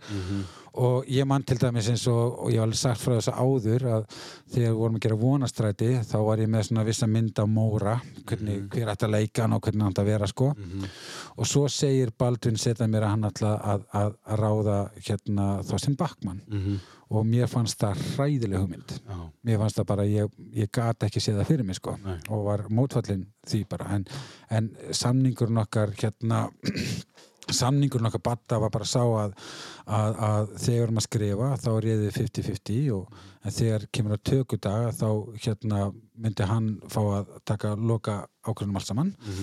Og það var bara gott og svo mæti ég þarna og fyrsta tökudag sem að Móri var, var hérna þá styrnum við að fara að leika Móra og, og svona já, og svo fannst ég aðeins sjá þetta sko og svo sá ég myndina og bara eins og allir aðri, misti bara kjálkan í gólfi sko. Bara sko. Móri bara lifnaði við og, Já, já. og hvernig Þorsteinn svona allippar og bætir við hlutin sem ég hafði aldrei getað skrifað en ég fæl krediti fyrir Já, og hérna þá fattar maður það að, veist, að, að þetta er bara svo mikið samverkefni að ég get ekkert haft besta endilega hugmyndin um hver á að leika hvernig þitt sko. Mhm. og, og, og það er bara fólk í því sem er búin að vinna við það og þekkir veist, reyns frá leikurum miklu betur en ég og hvað þið geta gert og þannig að, að, ég treysti bara öðrum svolítið Mhm. í því uh, ég fæ alltaf eitthvað að segja og, og svona stundum er eins og uh, þegar vorum að vinna hinnamyndunar að þá var, voru kannski hugmyndir sem að ég fekk að breyta þú veist, fyrir Mm. mm. tökudaga eitthvað svo leys uh, hef alveg mikið input Mm.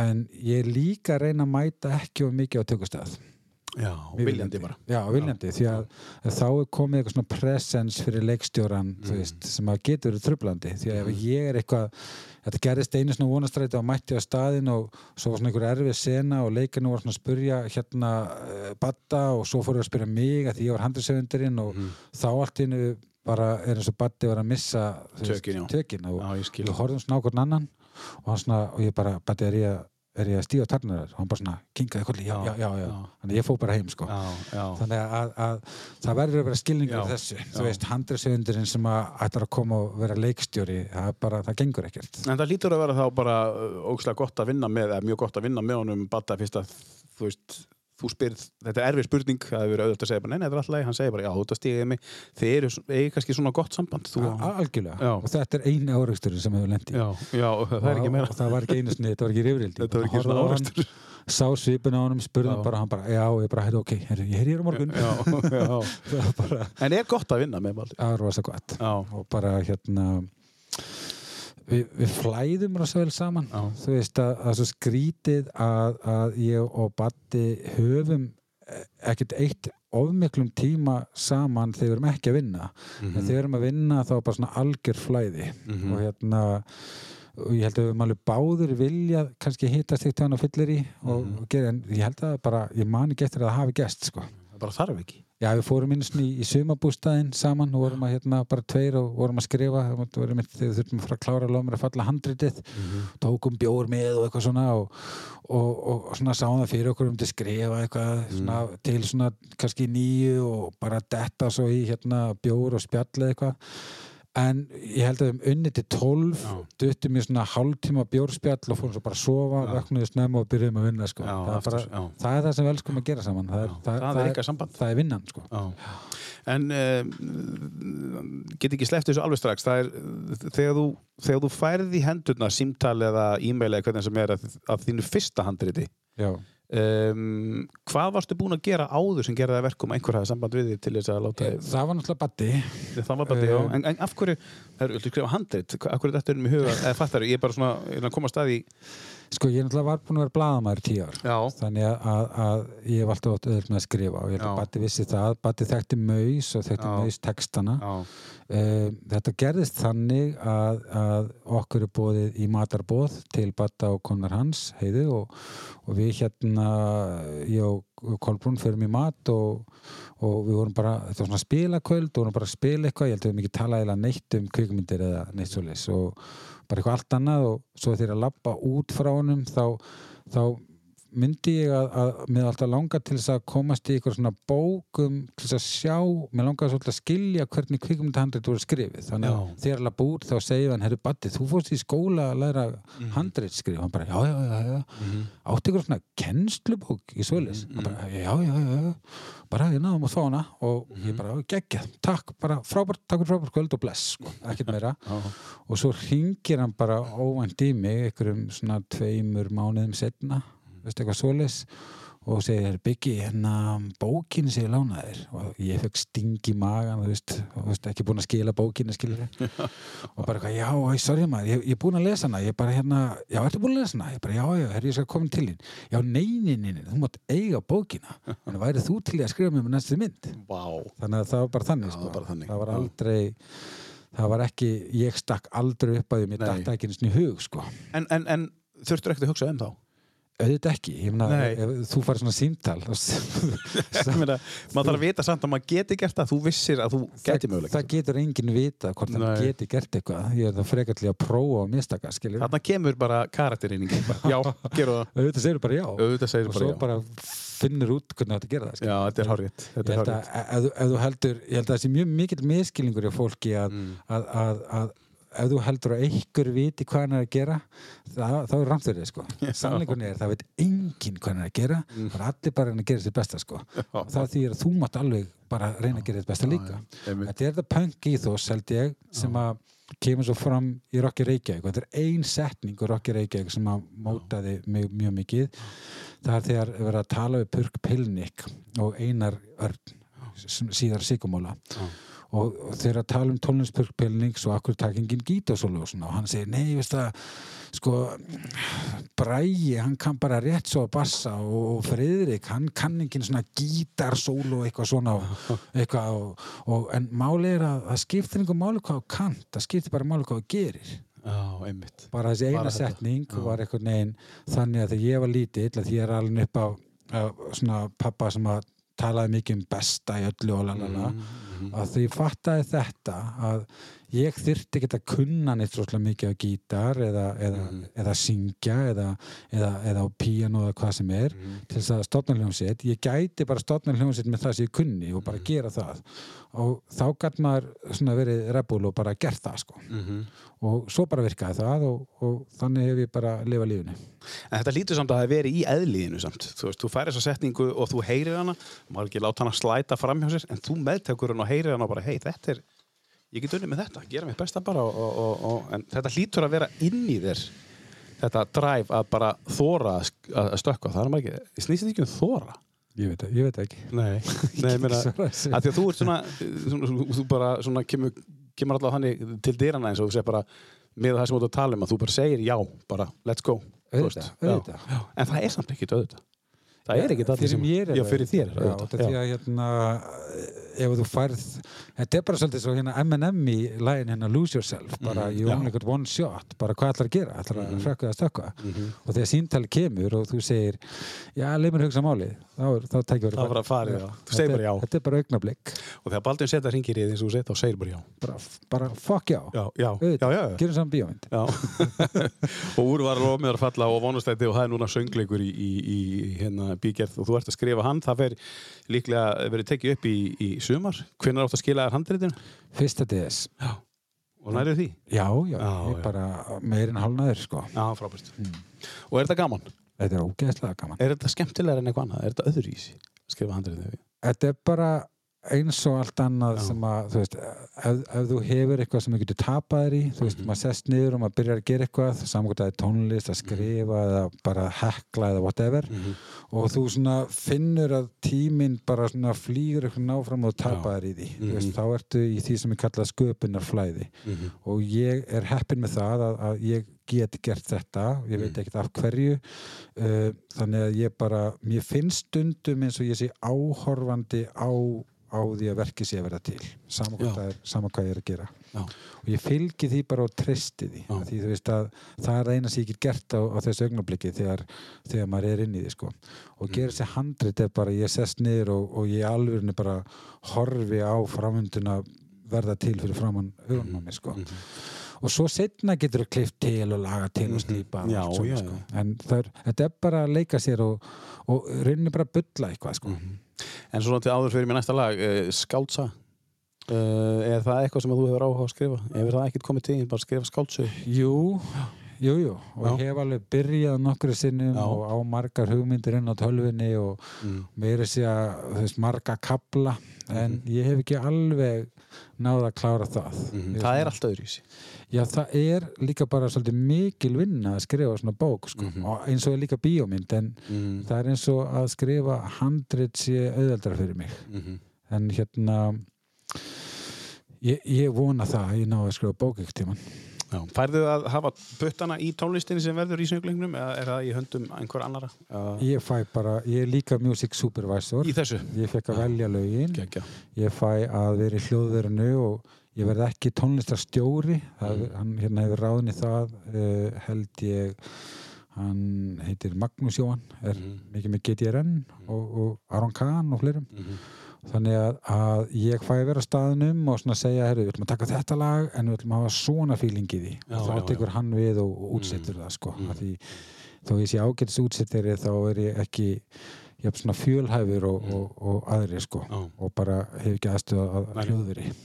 Er þetta ást? Það er allavega komin einhver vinnutitill, gæti breyst. Uh, Gæti alveg breyst. Gæti breyst, en, já. en, en, en þetta, er, uh, þetta er spennandi. Já.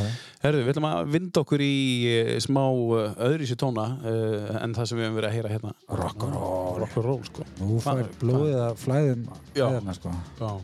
Segðu okkur aðeins hvað þetta er. Þetta er After Drive-In og lag sem heitir Ark Arsenal. Þetta er að mínu mati svona, með betri rockblötun sem ég hef heyrt. Hún heitir Relationship of Command og Mhm. bara þetta lag er mjög svona lýsandi fyrir tónlistina. Já, já. Heyrim þetta hér uh, af listanum hans Birgis uh, uh, í Maus, eða Bigga í Maus, Biggi Maus, ekki í Maus, Biggi Maus. Sko, Þetta er að koma. Þetta þarf, maður þarf tími í þetta. Já, já. Þetta er einhvern veginn. Heyrim þetta, uh, smá brott.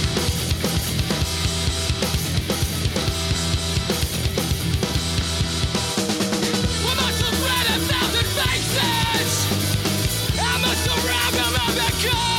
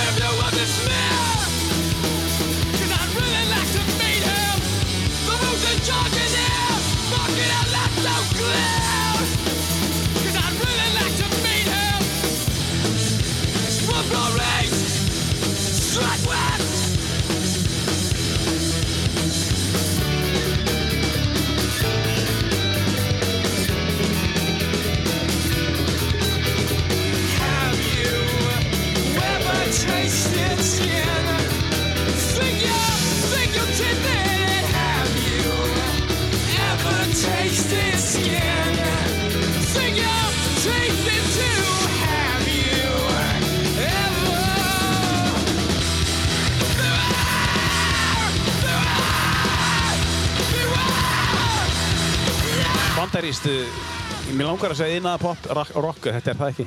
Er- Þetta er bara rock and roll, Rock and roll. mjög hart og hérna Já. After Drive-In þeir, þeir sagt voru á barmi heimsfræðar eftir að gá þessa plötu Relationship of Command en, en hættu bara kortiri áður en þau eru heimsfræðir Nú. stopnuð annað band sem heitir Mars Volta Já. þeir eru þessi tveir í þessu bandi hérna um, Cedric Bixler og Omar Rodriguez Já. og þeir eru alveg stórkuslegir og hérna, þekkir þetta það vel bara. já, ég, ég elska þetta. Já, Kemur, þetta kemur út 2000 eitthvað slags, eða 2001 já, já. Um, mér langar að spyrja um uh, fjölskyldu, uh, sem þú talar um pappaðinn, hann að hlusta mikið á bítlana og, og, og svoleiði, segir mér aðeins hvernig þetta var á heimilin þú voru að alast upp, hvað þið voru að hlusta og hvort að einhver tónlist kom í gegnum áttu eldri, yngri sískinni eða? Ég á einn eldri bróðir Já. sem heitir Viktor. Uh, Við erum aldrei upp við vínilplötu safnið hans pappa Já, þannig að, að sem að ég bara byrjaði mjög snemma að leita í og, og hann átti ágætið safn af hérna hann, hann var mikil bítla fanu þetta og, og, en hann var ennþá fastur í þessu þú veist út af því að hann fílaði bítlana þá lustaði hann ekki á Rolling Stones. Já þannig að, að fyrir tíu ára aldrun kynnti sér ekki miklu Rolling Stones til dæmis. En hann átti Led Zeppelin talaði mikið, hann var þarna á tónleikunum þegar þeir komið til Íslands og talaði mikið um það. Hann var sjálfur í hljómsveit, svona ballhljómsveit þegar hann var yngri sko með hérna Björgunni Haldósinni Já, vá, ok. Í hérna hann að tónlistin var stór hluti er stór hluti á honum sko og það var líka hann að Jimi Hendrix en síðan voru líka svona plötur sem að lindust inn í safnið frá móðurum minni. Þú veist að hún var að hlusta á David Bowie og Marianne Faithfull og, og svona hérna svona Crosby, Still, Nash and Young og, og svona hluti sem að hérna sem að höfðu svona meira áhrif að mig kannski setna, en pappi var rosa duglegur að hamra að sinni okkur þegar fyrir tíu ára aldrin sko. þannig að þegar ég verð 12-13 ára og byrja á á pönginu, þá fór ég svona í fyrsta skiptið að, að rebbula gegn tónlistsmekkum hos pappa og ég held að fyrsta sem ég fór að fíla sjálfur var Madonna hérna, tíu ára gaman Já, ok, vá. sem að pappa Það var ekkert smá rebel var sem að pappa varst ekki gott sko þá var ég, veist, þá þekkti ég bara Jimi Hendrix og Led Zeppelin inn og út sko já. þannig að þegar ég verð úlingur 13 ára og, og hinir í svona úlingunum fara að hlusta á Led Zeppelin og hipparokki þá var það bara old news Þú bara sko. búið með þá fór ég bara að hlusta á eitthvað annað sko Með á Madonnu til dæmis Já, þá var ég búið með Madonna var þá fór ég Madonna. meira í Pixies og Sonic Youth og mm. Cure? Cure auðvitað og Nirvana og allt þetta. Já, þú fóst í grönsi svolítið þarna í kringum Ekki mikið sko. Nei. Ég hlustaði á Nirvana. Ég hlustaði meira á, á það sem kom undan grönsinu eins og hérna Pixies og. Mudhoney og Sonic Youth og, Já, já. og þessi band svona áttu meira Dinosaur Junior. Oasis? Já, já, ég er alveg gaman að þeim sko. En, en ekkert Nei. aldrei verið eitthvað mega fan. Nei. Nei, en, en sko, en bróðinn? Ég- bara mjög svipaði tónlismekkur þegar maður alast upp. Og hann, hann hefur mjög víðan tónlismekkur fylgist mikið með. Hann var Já. gítarleikar í ball, hann fór meira balllegin eins og pappi Já. hann fór í uh, gítarleikari í uh, reggi og næs og áttavilt og svona ballböndum sko. á meðan ég fór meira bara í að veist, bara spila minn eigin tónlist og, Mm. Og þú veist og bara aldrei kófilög og bara alveg öfugátt sko. Mm. En var þetta sem sagt, þetta var í uppeldinu svolítið mikið tónlist á heimilinu eins og nú er mikil tónlist á þínu heimili? Já, já, uh, og, og, og, og börnin þín?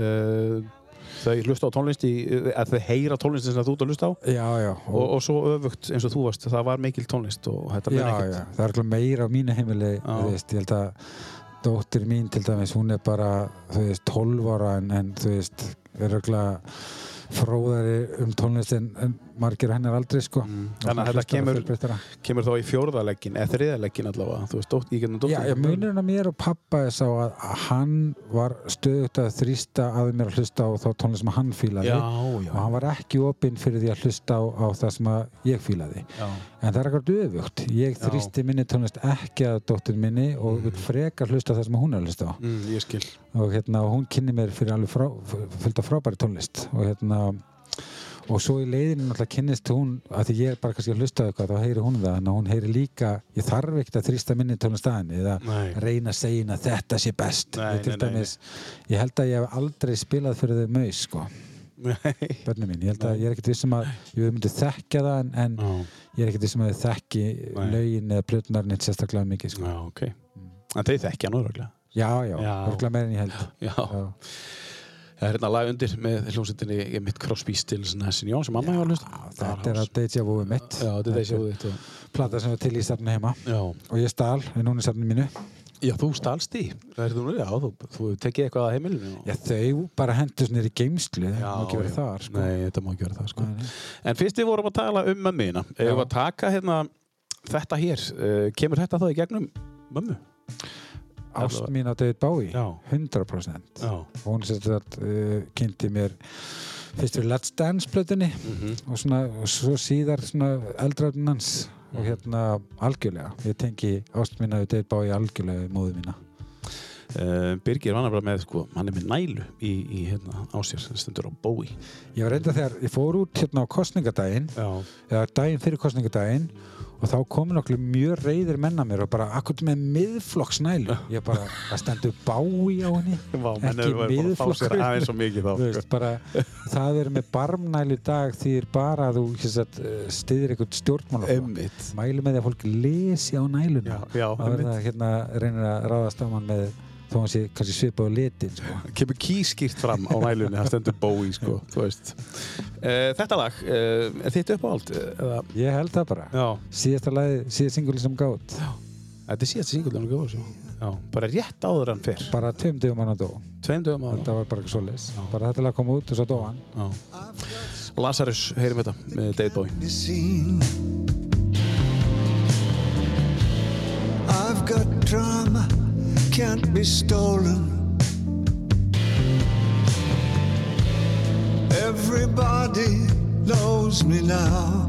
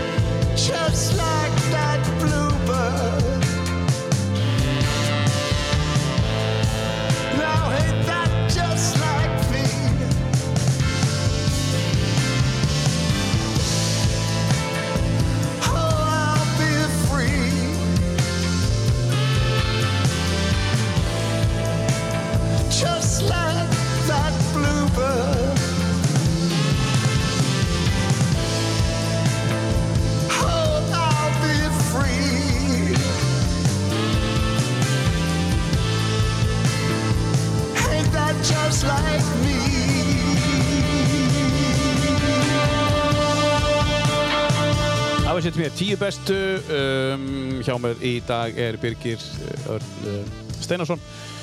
Uh, hann er ímislegt hann er sömundur, sálfræðingur og ég listamæður, tónlistamæður um, Biggi Maus. Við vorum að tala um, ég var að segja það núna David Bowie er svona hans svona, þú veist, hann elskar David Bowie. Ég, ég þekki ekki David Bowie. Og ég var um að segja ég, ég er bara að hlusta á mitt stöf og, og, og þú hlustar á fullt fullt á ný, nýri tónlistu komin einasta degi ég ætla einmitt að fara að gera það eftir ég var að heyra það en sko hvað er þetta sem ég er að upplifa? Hvað, af, hverju, af hverju hlusta ég bara á gamla Sko, ég, ég er náttúrulega mikið náhuga á þessu, bæðið sem sálfræðingur og tónlistarnörd. Og hérna, þetta er víst eitthvað sem er kallað music paralysis. Það þýðir að, að við svona 24 ára aldurinn þá hættum við að leita að grafa eftir nýrri tónlist. Og ef við löðumst að nýrri tónlist þá er það eftir tónlistamönnum sem við höfum fylgst með áður. Og þetta er hugmyndina fræðin á baku þetta er svo að þegar við erum úlingar og kynnast ykkur nýja skipti þá er hughrifin svo sterk skiljum við að, að, að þau hafa svona áhrif á okkur út æfina þú veist, þess vegna tengi ég bara svona sterkt til kjúri líka því að það er eitthvað bara úr minni æsku skiljum við og, og við hættum þú veist, og þegar tónlist hættir að hafa svona sterk hughrif á okkur, þú veist, þeir eru komin í tvítugt og að þá sannfæru okkur sjálfum að, að það sé ekkert eitthvað veist, eins gott í tónlist í dag skiljur og við höldum okkur við það sem að hreyfiði við okkur sem úlingar Uh, og þetta er mjög algengt. Þetta er bara eitthvað sem að þetta er ástæðan fyrir að bylgjan þú veist, eldist með hérna hlustundum sínum. Þú veist, þeir eru ennþá að spila 80s tónlist skilur mm. því að þeir sem að vinna á bylginni eru þeirri og þeir svona yngjast ekki upp með sem að þýðir að bylgjan geti lendi í vandræðum eftir svona 5-10 ár því að þú veist að, að, að, að aldurshópurinn hann alltaf minkar og veist, þeir sem að eru eftir á lífi. Já, já. þannig að, að, að þetta er ólíkt því sem að Rás 2 gerir þeir eru viljandi yngja upp eftir, þú veist, þeir hugsa Rás 2 fyrir þú veist, hérna 25 til 45 og takt eftir í hvaða uh, tónlist Rás 2 er að leggja ásla núna, það er 90s tónlist Já. við, því að þeir sem eru á þessum aldurshópi núna, þeir voru úlingar í the 90s, Já. þetta er alveg viljandi gert sko, Já, já. þannig að hérna að, að, að þetta er bara svo þekkt og verist vera svo stert í fólki að, að, að þetta ráðið svolítið bylgjum í útvarpinu og svoleiðis. Þetta er að breytast öllítið með streymi veitum því að það er svo miklu auðveldara að, að finna og hafa aðganga nýju efni. Þú veist, þegar við vorum úlingar þá var eina leiðin sem fylgjast með ykkur nýju þá þurftur að fara út í bókabúð og kaupa í blöðin og lesa þið til það, fara svo í plötubúðin og hlusta á hlutina í plötubúðinni og fara svo með heimskilur. Þetta var miklu meiri vinn en í dag. Þú veist, í dag getur í alvörunni gefið þér hálftíma og þú segir bara sjálf að á þessum hálftíma ætla ég að heyra bara tíu nýju lög. Og það er ekkert mál. Já. Og mjög auðvelt að finna rekast á eitthvað sem að bara eins og Discover Weekly þú veist, bendir á eitthvað sem að gæti verið eða þú fer bara inn á þú veist, eitthvað eh, nýju lögin í dag og þú bara hlustar yfir eitthvað það. En það er miklu já. En, en En maður gerir þetta samt ekki.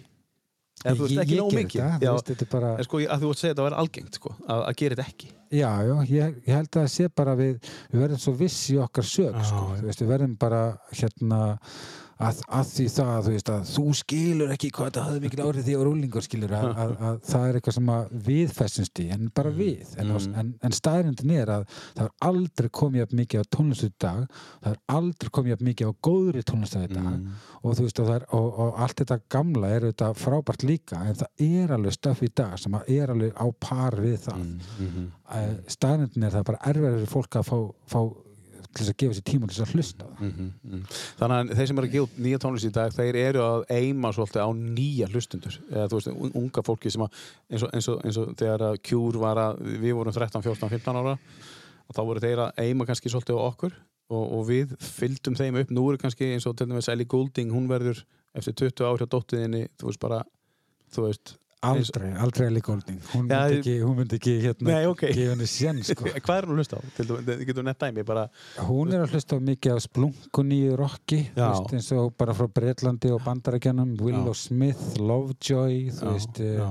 bönd sem að þú eru glada að nei, nei. en er alveg awesome, hún er mikill aðdáðandi Arctic Monkeys og svona hérna um, og kynni mér bara Lemon Demon svona Já. hljónsti sem ég myndi aldrei kynna nema því ég spyr hana og hlusta á þetta þá er það bara geggja stöf Akkúrat. mun hlusta mikið á breska rappið þar eru frábæri artistar eins og Dave og og hérna Stormzy, þú veist, hann er svona staðistur og þekktastur á því, en, en þú veist, að, þetta er, það er svo ógeðslega mikið Já, awesome stöf það. í gangi, sko. Já. Þannig hérna, að, það bara vera opinn fyrir þessu, meira opinn fyrir þessu.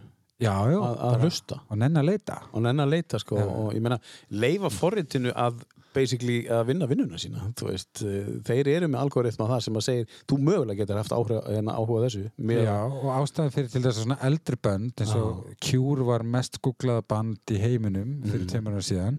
Það er ótrúlega það er samt ekkert ótrúlegt því að, að hvað er að gerast með Cure? Uh, tónlistinir er ítrekka notuð í Netflix þætti, nýja Netflix þætti eða svona nýja sjónvastætti sem að krakkan er hlusta á eins og 13 Reasons Why bara allt fullt af skilur. Já, og, svona, og, og svona nýjir þætti sem að höfða til krakkana þar eru þessi Cure lög því að það er einhver tilfinning í þeim sem að bara passar við tónlistina. Þannig að krakkanir þeir búa til nýja hlustendahóp þar. Mm. Cure er ekki svona vinsæl á Spotify dag út af því að eldri hlustendur er alltaf að spila það út af því að nýji yngri hlustendur er að peka það upp sko. einmitt, einmitt, einmitt. Þannig að þeir eru kannski haldið sniðir En þeir gerir þetta ekkert viljandi. Þeir gerir þetta ekki viljandi. Þeir bara hérna, gerðu góða tónlist sem, að, sem að fólk tengið einmitt, einmitt, einmitt já, þeir eru ekkert eitthvað að ákveða að sitja heima og segja nú ætla ég að reyna að hafa til hérna 15 ára úlinga En ég ætla alltaf að skora á því hlustandi góður að gera þetta sem að hérna, e, ágæti viðmælandi minn gerir á hverju meina þess að degi. Hlustar á svona allavega 1 til 10 lög, ný, allavega 1 eins og hann sagði, allt upp í 10 á dag Já, bara til þess að, þú veist, ef þú hlustar mikið á tónlist geðu þér þá já, ég meina ef það er eitt lag á dag þá er þetta bara 365 lög á ári sko. mm, sem er bara brota brot í hafina því sem kemur út í hverju viku einmitt. og síðan nota göm, gömlu lögin í svona bara pínu spari Já, ég hlusta þau á vínilinn sko. Vínilinn, er, þá, þá er það eldri tónlistin eða, svona, eða þá eitthvað splungun í plata sem ég er alveg bara að tengja við skilur Mhm, við. Spotify í dag er svona eins og auglýsing þú veist, þú kynnist einhverju og ef þú fílar það, þá fer ég að kaupa vínilinn við. Já, það er svona orðið ekta Hvernig raðar í vínilum?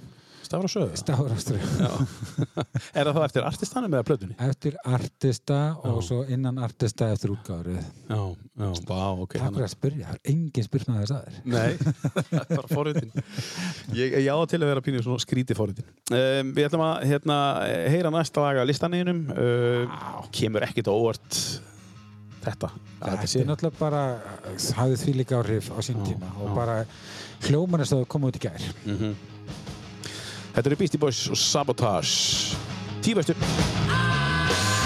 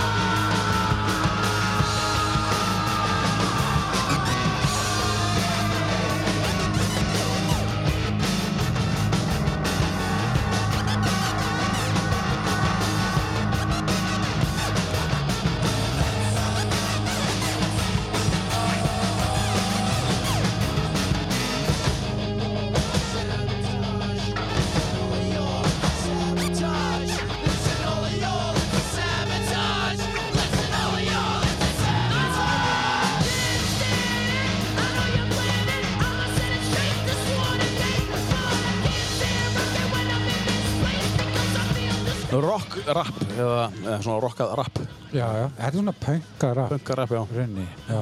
Eru þeir búin að vera að gera eitthvað nýtt eitthvað, veistu það? Eða er, Þeir Beast Boys er náttúrulega hættir því að einn, einn er dáinn. Já, já, Dóinn ok og krabbamenni fyrir einhverjum hvaða sjö árum síðan. Og þetta er svona hljómsveit það sem að það verður ekkert fengið einhver annar í staðinn. Sko. Nei, nei, var þeir- það, var það aðalgæðin eða sem söngvarinn? Það er engin aðalgæði, þeir eru bara allir aðalgæði. Þannig að það var ekki Adrock sem að dó. Já, ég þekki það ekki, sko Já, er þannig að, að þessi lengst í vinstri hann á myndinni. Það sé það Já, og hann sé að hérna, já, hann er dáinn, þannig að saga Beastie Boys er bara öll. Já, er öll, já, já. En þeir eru legends. Um, oft, oft þegar að maður heyrir uh, í, í Beastie Boys þá fæður maður að hugsa hvar að sí. Uh, þú átt einhver, þetta er, þú hefur eitthvað unnið með þeim, eða ekki? Jú, jú, bara vinni mínir. Bara vinnir? og hérna ég kynnti Sölva Blöndal ég held að það hafi verið svona 92 eða eitthvað fyrst 93 og, og við höfum bara verið ágætis hérna vinnar og kunningjar uh, á tímabili þá í einni endurkominni, einni á nokkrum núna. Ég held að það verið svo fyrsta. Já, þið spilaðu bestu út í átíðina þar. Þá, þá var ég að vinna svolítið með með að svona hálfgerður erindreki slagsveimbósmaður eitthvað. Og hérna já og hlaka til þeir, þeir fara ekki út í mitt þeir ekki að vínil svona saplutu sem að ég ætla að eigna mér. Já, já. og hérna já alltaf fylgst vel með kvarasi og bara hef mikinn kjærleik til þeirra Þú talar um fyrir vitalinu að þú væ- værir ekkert mikið inn í svona hvað er að gerast á bak við tjöldin í kvikmyndabransanum, þú þekkir þitt og, og þú veist ekkert alveg hvernig það virkar en tónlistabransin, er, er, er það allt öðru sér fyrir? Þekkiru hann út og inn og þekkiru marga, ertu áttu marga vini? já náttúrulega þekkir þess marga Já. en ég hef verið frá svolítið lengi þannig að það Já. komin alveg svona heil ný kynnslóð af fólki sem ég þekki ekki neitt.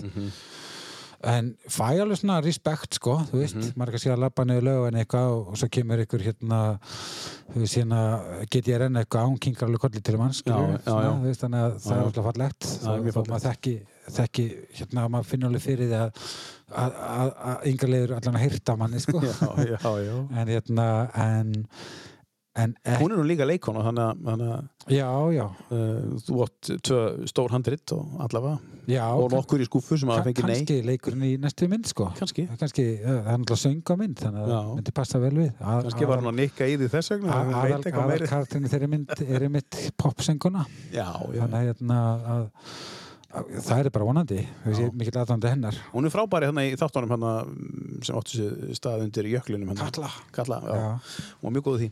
Ég þurfti einmitt að hugsa hver er þessi? Það var bara, þetta er bara GTRN er einmitt. Guðrún Ír Eifjörur eða hvað hún heitir já, bara, ég veist ekkert hver það var, bara fattaði allt í hennu þannig að ég, ég er svona ég held alveg að ég, ég get alveg hringt í yngra liði skiljum Já, einmitt og svona þekki eitthvað af þeim en, Já, en bara svona kunningi og málkunnugur ekki Mm. hérna já, kannski einum og hóvar er ég? já.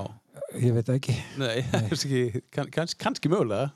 Já, þú, þú, þú veist ég held að það sé alltaf slæm hugmynd að, að þú reiknir með því að allir viti hvað þú ert. Já, það er ekki góð Nei, hugmynd. því það er bara eðlilegast hlutur heimi að já. hafa aldrei tjekkað þér að hlusta þér og það hefur ekkert með mig að gera Nei, nei, tónlistasköpun skilur og svo koma bara mismundi ströymar stundum já. bara að hafa krakkanir engan áhuga því sem skilur Nei. bara eðlilega það er bara gaman. Um, eins og ég segi, þessi, þessi tíulega listi sem að um, við erum nú komin svolítið langt á leið með, hann er svolítið víður, segja, þú veist, tónlistin hér og þar, skilur, þú ert með nýtt og þú ert með gamalt. Já, Þú talar um að, að uh, Smokey uh, Robertson, uh, Robinson og þá The Cure, Pigs of You, það er svona pottit alltaf á listaninu. Já hvað? ég hugsa það, þessi tvö lög myndu alltaf enda á honum Og mögulega þetta hérna líka.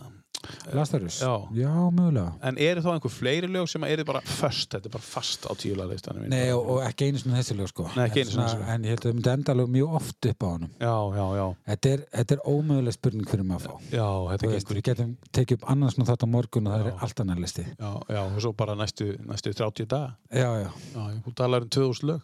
2000 lög við gerum 2000 það, hvað hefur langa tíma? 2000 bestu. Við tökum þetta bara í einhverjum númer 1, 2 og 3 og eitthvað. Uh, áður við uh, höldum áfram með uh, umræðana um hérna, ég ætla að fara hans yfir í sko Akureyri næst sko. Já, veist, og hvernig ykkur líður hér, fjölskyldan og svona og tökum það eins, tökum samt eitt af uh, listanum uh, ef að taka þetta og eða, Já, er ekki spólað tilbaka? Já, spóla þetta tilbaka já, þannig að þessi ekki byrjaði já, einmitt, já. Spólað tilbaka. Já, spóla tilbaka á, á það Spotify. þýðir krakkar að, að, að í gamla dag var svona snælda og þá þurftum maður að spóla hana tilbaka til þess að fara að byrjun. Það var, þú þurftir að ítaksili og býða sjálfkrafast það, því já. þú þurftir ekki íta á play Já. og svo stundum snýr hún sér við sjálfkrafa, manstu Það, það voru spestæki það voru spilast ekki sko. Geggjað. Já. hvað er þetta? Þetta er hinn frábæra sveit LCD eh, Sound System sem að er eh, hvað, hvað heitir hann aftur? Murphy eitthvað, John Murphy eitthvað, ég manna það ekki hérna er bara hugarfóstur hans James Murphy James Murphy er eh, bandarísk svona elektro-punk sveit mm var mjög vinsal eh, svona fljótlega eftir aldamótin. Fólk kannski kannast við lægina Daft Punk is singing in my house og þú veist, það er alveg stóra slagara. En þetta er svona sveit sem að leynir alveg ótrúlega á sér og verðlunar hlustandan alveg meira og meira. Þeir spila, þó að þú setur að heyra elektrohljóð, þá er það að spila live. Mhm. og hérna og þetta lag fjallar um það að fá símringingu með þeim slæmi fréttum að einhver sem að þú hafði mikið dálæta á og þekktir sér dáinn. Já. og þetta er samt poplag og mér finnst eitthvað svo geggjað að þú getur búið til svona uh, poplag sem þú dillaði við en, en tækla samt svona stóran mannlegan hlut sko. Þú fílar það sem, sem handritsöfundur ég, hugsa ég fíli bara dýft já, bara æðislegt að ná þessu fram. Ég bara, ég, ég er ekki góður í, í neinu sem er grunnt, þú veist. Nei. Að, þú veist ekki, ef þú allar tala um á, á grunnan hátt þá bara hugsa ég missa áhuga hann og fer sko. Mhm, og já. hérna, ég, ég veit ekki okkur það er þannig, þannig að ég hugsa bara að, að það verða að vera eitthvað svona innihald í kjöt á beinunum svo Mhm. ég svona svo áhugin vaksi mögulega uh, kom mögulega áhugin fyrir að fara í sálfræðinám út af þessu, þú veitir þú, þið finnst gott að vera þarna Já, já, já, þetta er bara mjög, mjög eðlislegt að, að þú veist að eins og ég, ég kann ekki og ég lendi til þess bara um daginn að það var svona smá smá ágreiningu milli míns og vina minns og, ég ætla ekki að nefna hver það er og Nei, svo, nei. og svo hittust við og, og hann var svona látið svo ekkert væri sko. Ég, ég get það ekki. Þannig að, þannig að ég spurði hann bara þú veist, þegar hún er búin að sitja hann einhver tíma bara er eitthvað sem þú vilt segja við mig Já, já. og bara stakk á kýlið sko. já, já, einmitt og þannig að ég, mér finnst það miklu þægilega En það er rosalega algengt þessi yfirbórs umræða. Hún er rosalega algengt bara hjá fólki og bara fjölskyldumeðlumum og Já, já, hún er mjög algeng sko. Já, já, ég, ég, ég held það. Já. Ég bara fungur ekki þannig. Æ, ég get tekið undir það. Ég er alveg mjög pyrrandi fyrir marga, sko. Já, það er bara, hvernig líður þér? Bara, bara vel. þú veist, skilu, hvað þú spurðir, ok, nefnum, ég skal segja hvernig mér líður. Já. Og þá ferðu bara að tala í tíu mítur. Þá þarf við, við, við, viðmælendin, eða semst við komum til að vera tilbúin að hlusta. Við spyrum líka leiðin spurningu, við spyrum hvað segir gott. Já, hvað segir gott? Já, þannig að við erum ekkert eins og að, að, Nei. hérna, Við erum ekki að spyrja okkur til þú og how are you? Og þeir býð ekki stundu svari, sko. Nei. Þeir bara byrja að líta undan. þú Já. Kannski ættu að spyrja eitthvað í að segja hvað segir gott, bara hvernig hefur það? einmitt, hvað segir gott að því að þú Og hlusta á svarið, sko.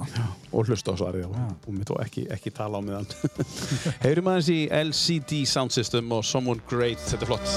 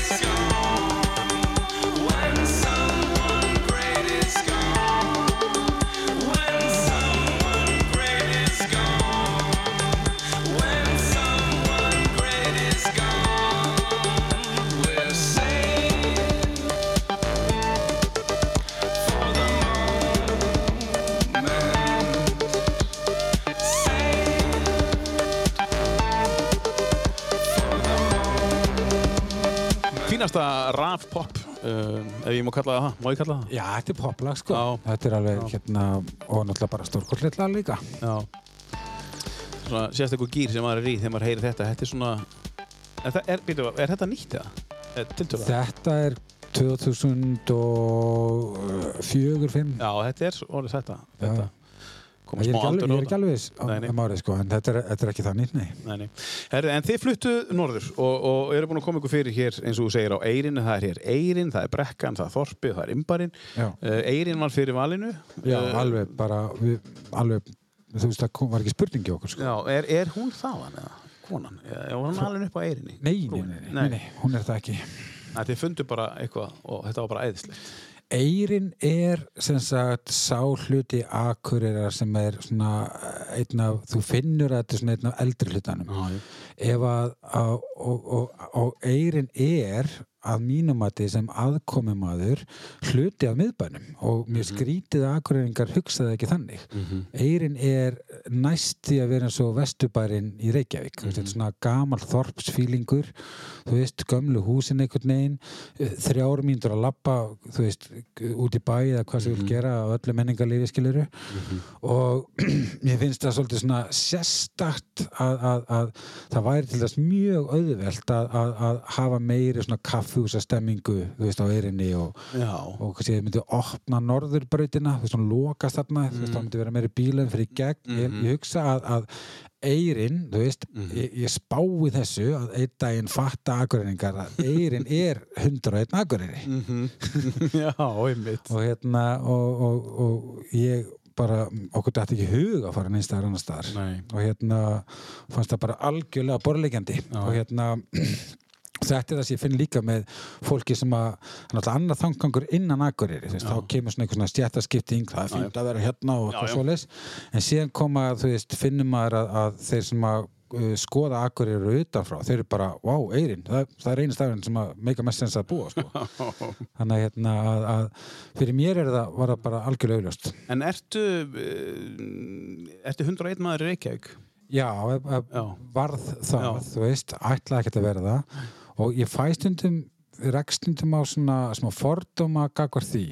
Og aðalega sem er svo skrítið þá finn ég fordóma gagvart 101 Reykjavík frá landsbyðafólki sem að býr í bæjum. En ef þú pælir í því þá er akkurat 101 Reykjavík eini hluti Reykjavíkur sem að þorpsmenningin er til staðar. Já. þannig að það sem að fólki í 101 Reykjavík er að sækja er akkurat sama sama tilfinning og, og fólkið í bæjunum út á landi er að segja. Mm. það er þetta að geta át á götu og heil, þekkja alla nágrannina og þetta er bara svona þorpsmenning Já, virkilega góða punktur. og eini staðinu Reykjavík sem er þannig sko. En mæta samt fordóm, þú veist, þannig séð frá... bara, við, náttúrulega, við náttúrulega dæmum hluti sem við þekkjum ekki og Já, höfum ekki já. kynnt okkur sko. Þetta er virkilega góða punktur. Þannig Ég hef aldrei að, hugsað að, þetta svona. að, að lopa peysu leppjandi mm. lattiliðið er liðið sem að vill við búa í Reykjavík en vill samt hafa svona bæjar svona hérna þorpsmenningu sko. Og býr alls þar út á landi. Já, og er snögt á þannig að þegar, þegar svona ég reyndar blokkar bara norbanum sem er Mhm. alltaf þessi stemming en síðan bara fer ég að laðast að því veist að hérna er bara eitthvað stemming svona, Mhm. vá, þetta er svona eins og að, að, að, að, hérna, að, að búa skilur, Mhm. að vera hérna inn í vesturbænum skilur og hérna þannig að þegar við komum hingað til, til akureyrar Mhm. þá er það bara svona, hvað er þessi stemming á akureyri? Já, þeir fundu hana bara þannig. Þetta var hana bara Þa, þannig. það er það eða gamli innbærin það sem að hérna Píetósið er Einmitt. það er þessi svona stemming sem að mér finnst mest heitlandi skilur Já, já. ég, ég sé ekki pointið því að flytja til akur að búa ykkur að blokk eða, Nei, veist, eða hérna, nei. eða fara að búa ykkur að nýbyggingu upp á, upp á hæð sko. Já, já, og gott já. að plassa verið þá sem að laðast að því mér finnst mjög betra að vera í svona fjölbreyttu Mhm. menningarlífi og, og, þú veist, og, og, og, og, og og og gömul hús og þú veist, húsið sem við keftum er veist, er það þykk steipað að þólurögla bara, þú veist, 12 á rykter í skilur hérna, það er borlíkjandi fyrir okkur sko Já, já. Og er það á einni hæði? eða svona? Nei, búum, uh, við höfum hæði húsi Hæðihúsi, já. Já. Já. og svona þannig að það þannig að ég, ég skil alveg, veist, hinn, hinn þangagangin Já. en svona fyrir mér er eðlislegt að búa í þeim hluta bæina sem er svona þorpslegur. Já, já. og ég myndi vilja sjá uh, eirin að lifna betur við. Þú veist, pældi að væri kaffus á eirinni já, þú segir það. Já, þú veist, bara- þá, þá, þú veist ef að, ef að akureyringa vilja þá getur eirin og í mínum huga er eirin hluti af miðbæ akureyrar. Já, þetta er bara alveg hárið þér. Og, og, og bara gaman að skuli nefna þetta því að þetta er ekkert eitthvað sem maður sko, sem, sem rókur og en akkurinn ég hef aldrei pælt í þessu ég hef alltaf hugsað að bara miðbærin væri bara brekkugatan og það sem er fyrir ofan miðbærin en auðvitað er þetta þegar maður þú fær bara yfir drottningabrautin og þú ert basically komin heimtíðin sko. Já, já, mitt þú veist, ég bjó í strangutunni sko, ég, ég skil ég skil hvað þú tala um þegar maður upplifir það sko. Og svona sem, þú veist, ég, ég er ekkert meistar í hagfræði en svona ef að, ef að þú ert að fjárfesta í hérna eign og akureyri þá myndi ég halda að það væri skynsarlegast að kaupa á eirinni sko. Mm. það, þetta hverfi getur ekki annað þegar rótgróð og gamalt heldur vaksið í verði mm. En svona þangagangurinn virðist vera að það sem er nýra er fýtna en já, það eru bara ekki allir sem að kaupa það því að Va- fólk vill búa í hérna í svona líflegum uh, þorpsmenningu sko Var Ottaraskóli verið valinu? uh, nei, Nei. dóttir mín að því hún fekk lítið að velja um það að við myndum flytja enga þá mm. leiði hún að velja skóla hún Já. valdi, valdi brekkaskóla Vandabergskóla, já. Það er bara flott. Herðu, já, um, en eitthvað líður vel hér og, og hafið það gott. bara og, mjö, mjög vel Já, já, já. Uh, fínt að hafa, að hafa svona menn uh, í bænum og, og svona fjölskyldu fólk koma í bæin og það er að aukast að ungt fólk sé að koma til akkurir aftur um, sem hafa flutt og koma aftur. eðlilega, þú veist, bara íbúðarhúsnaði í Reykjavík er orðið svo fárálegt að, að Já. ef þú- fjárfestir í íbúð þar að þá ertu að, að, að hérna dæma því fátakt til lífstíða Já, sko. hérna einmitt. eru íbúðir til dæmis á eirinni á svo hagstæði verði að, að Já. þú getur bara hreinsa til og bara haft það bara mjög hugulegt sko. Fyrir restina. Já, Já, já, sem að skiptir eiginlega höfum máli í þessu öllu saman. Hvað, herru, við byrjuðum á, uh, við, við, við hófum nú leikin hérna á þessu hérna lægi uh, og við fengum ekkert að tala um það áðan en segja okkur svona bara svona í stuttumáli hvað þetta er. Hérna. Þetta er þíska krádrokksveitin uh, Kahn Þíska krádrock. hún hérna verður til um svona svipa leiti og, og Led Zeppelin og Doors og, og er svona einn áhrifasta mesta rocksveit svona uh, heims myndi ég segja Þetta er bara það gamalt. þetta er það gammal sko og hérna og þeir eru svona tilrunarkend sveit koma frá Köln mm. uh, gáð bara endalista plötum sko og hérna og það er bara eitthvað í þessu sem að þeir eru fyrst til þess að sampla og lúpa hlutum, mm. þeir gerðu það bara með teipum sko og hérna voru svo langt á undan sinni samtíð við getum allan að reyti þetta eða aldrei orðið til ef að Mm, þessi meinar. til og, hérna, og, og, og svona hlutir sko Já. þannig að, að, að já, þetta er eina af mínum upp á sveitum Já, vá. Kann og vítamin C.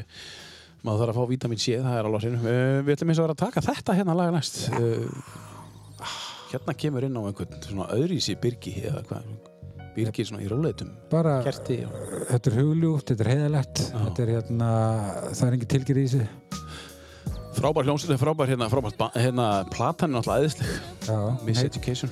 Lauren Hill sem hefur ekki ennþá gefið út aðra plötu, solplötu Hældi í því. þetta er eina solplötan sem vann bara, þú veist, 50.000 grammi velun Já, mér það var bara, nóg. og hefur aldrei gert plötu aftur vonandi bara vonandi erfitt fyrir hann að hún búin að býða svo lengi að það voru að koma fréttir að Fugees er að koma saman aftur. Hvað sér ég? Já, þau eru að fara að túra á næsta ári. Þannig að, að hún er kannski meira einbytt sér því núna en, en, en þessi plata Miseducation of Lauren Hill er algjört misrastekki bara, Já, hún er mjög góð. bara soul og hip-hop og allt blandaði eitt og bara stórkustlega textar og, og lagasmæðir Og þetta lag sem heyrim hér uh, af listanum þínum í dag heitir X-Factor. Is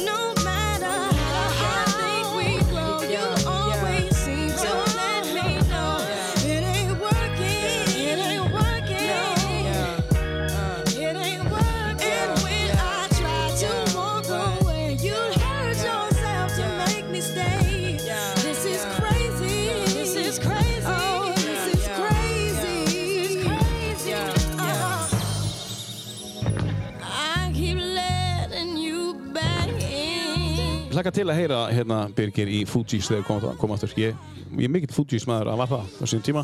Já, ég mitt. Skor er, er frábær plata. Mhm. ég, já, ég var alveg til að sjá það sko, en ég er ekkert að fara til útlanda að kaupa miða. Nei, fylgjast bara með þeim. Já, já, Já, ég, sá þau í höllinni Já, þú þegar komið hérna Já, já, til, í lögatarsöll og sá þau þar. já. Uh, það var mjög skemmtilegt já. en svona og, og mér finnst- mjög gaman af því þú veist þegar svona bönd eru með kompakt tónleika Mm. en mér finnst það ennþá skemmtilegra ef að þau eru búin að gera eitthvað nýtt líka sko Mhm. og svona er ekki bara að hamra á, á gamla jörninu Mhm. Algjörlega.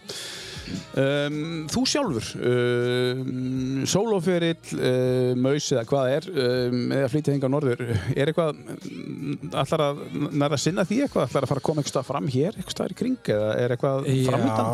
Já, já, já, já. Já, já, já. Ég syns að hérna fekk bóðum að taka þátt í Eirarrocki og það var svona símtal sem ég fekk og, og maður segir bara bara já. og ég hafði ekki hugmynd um hvernig ég ætlaði að gera það.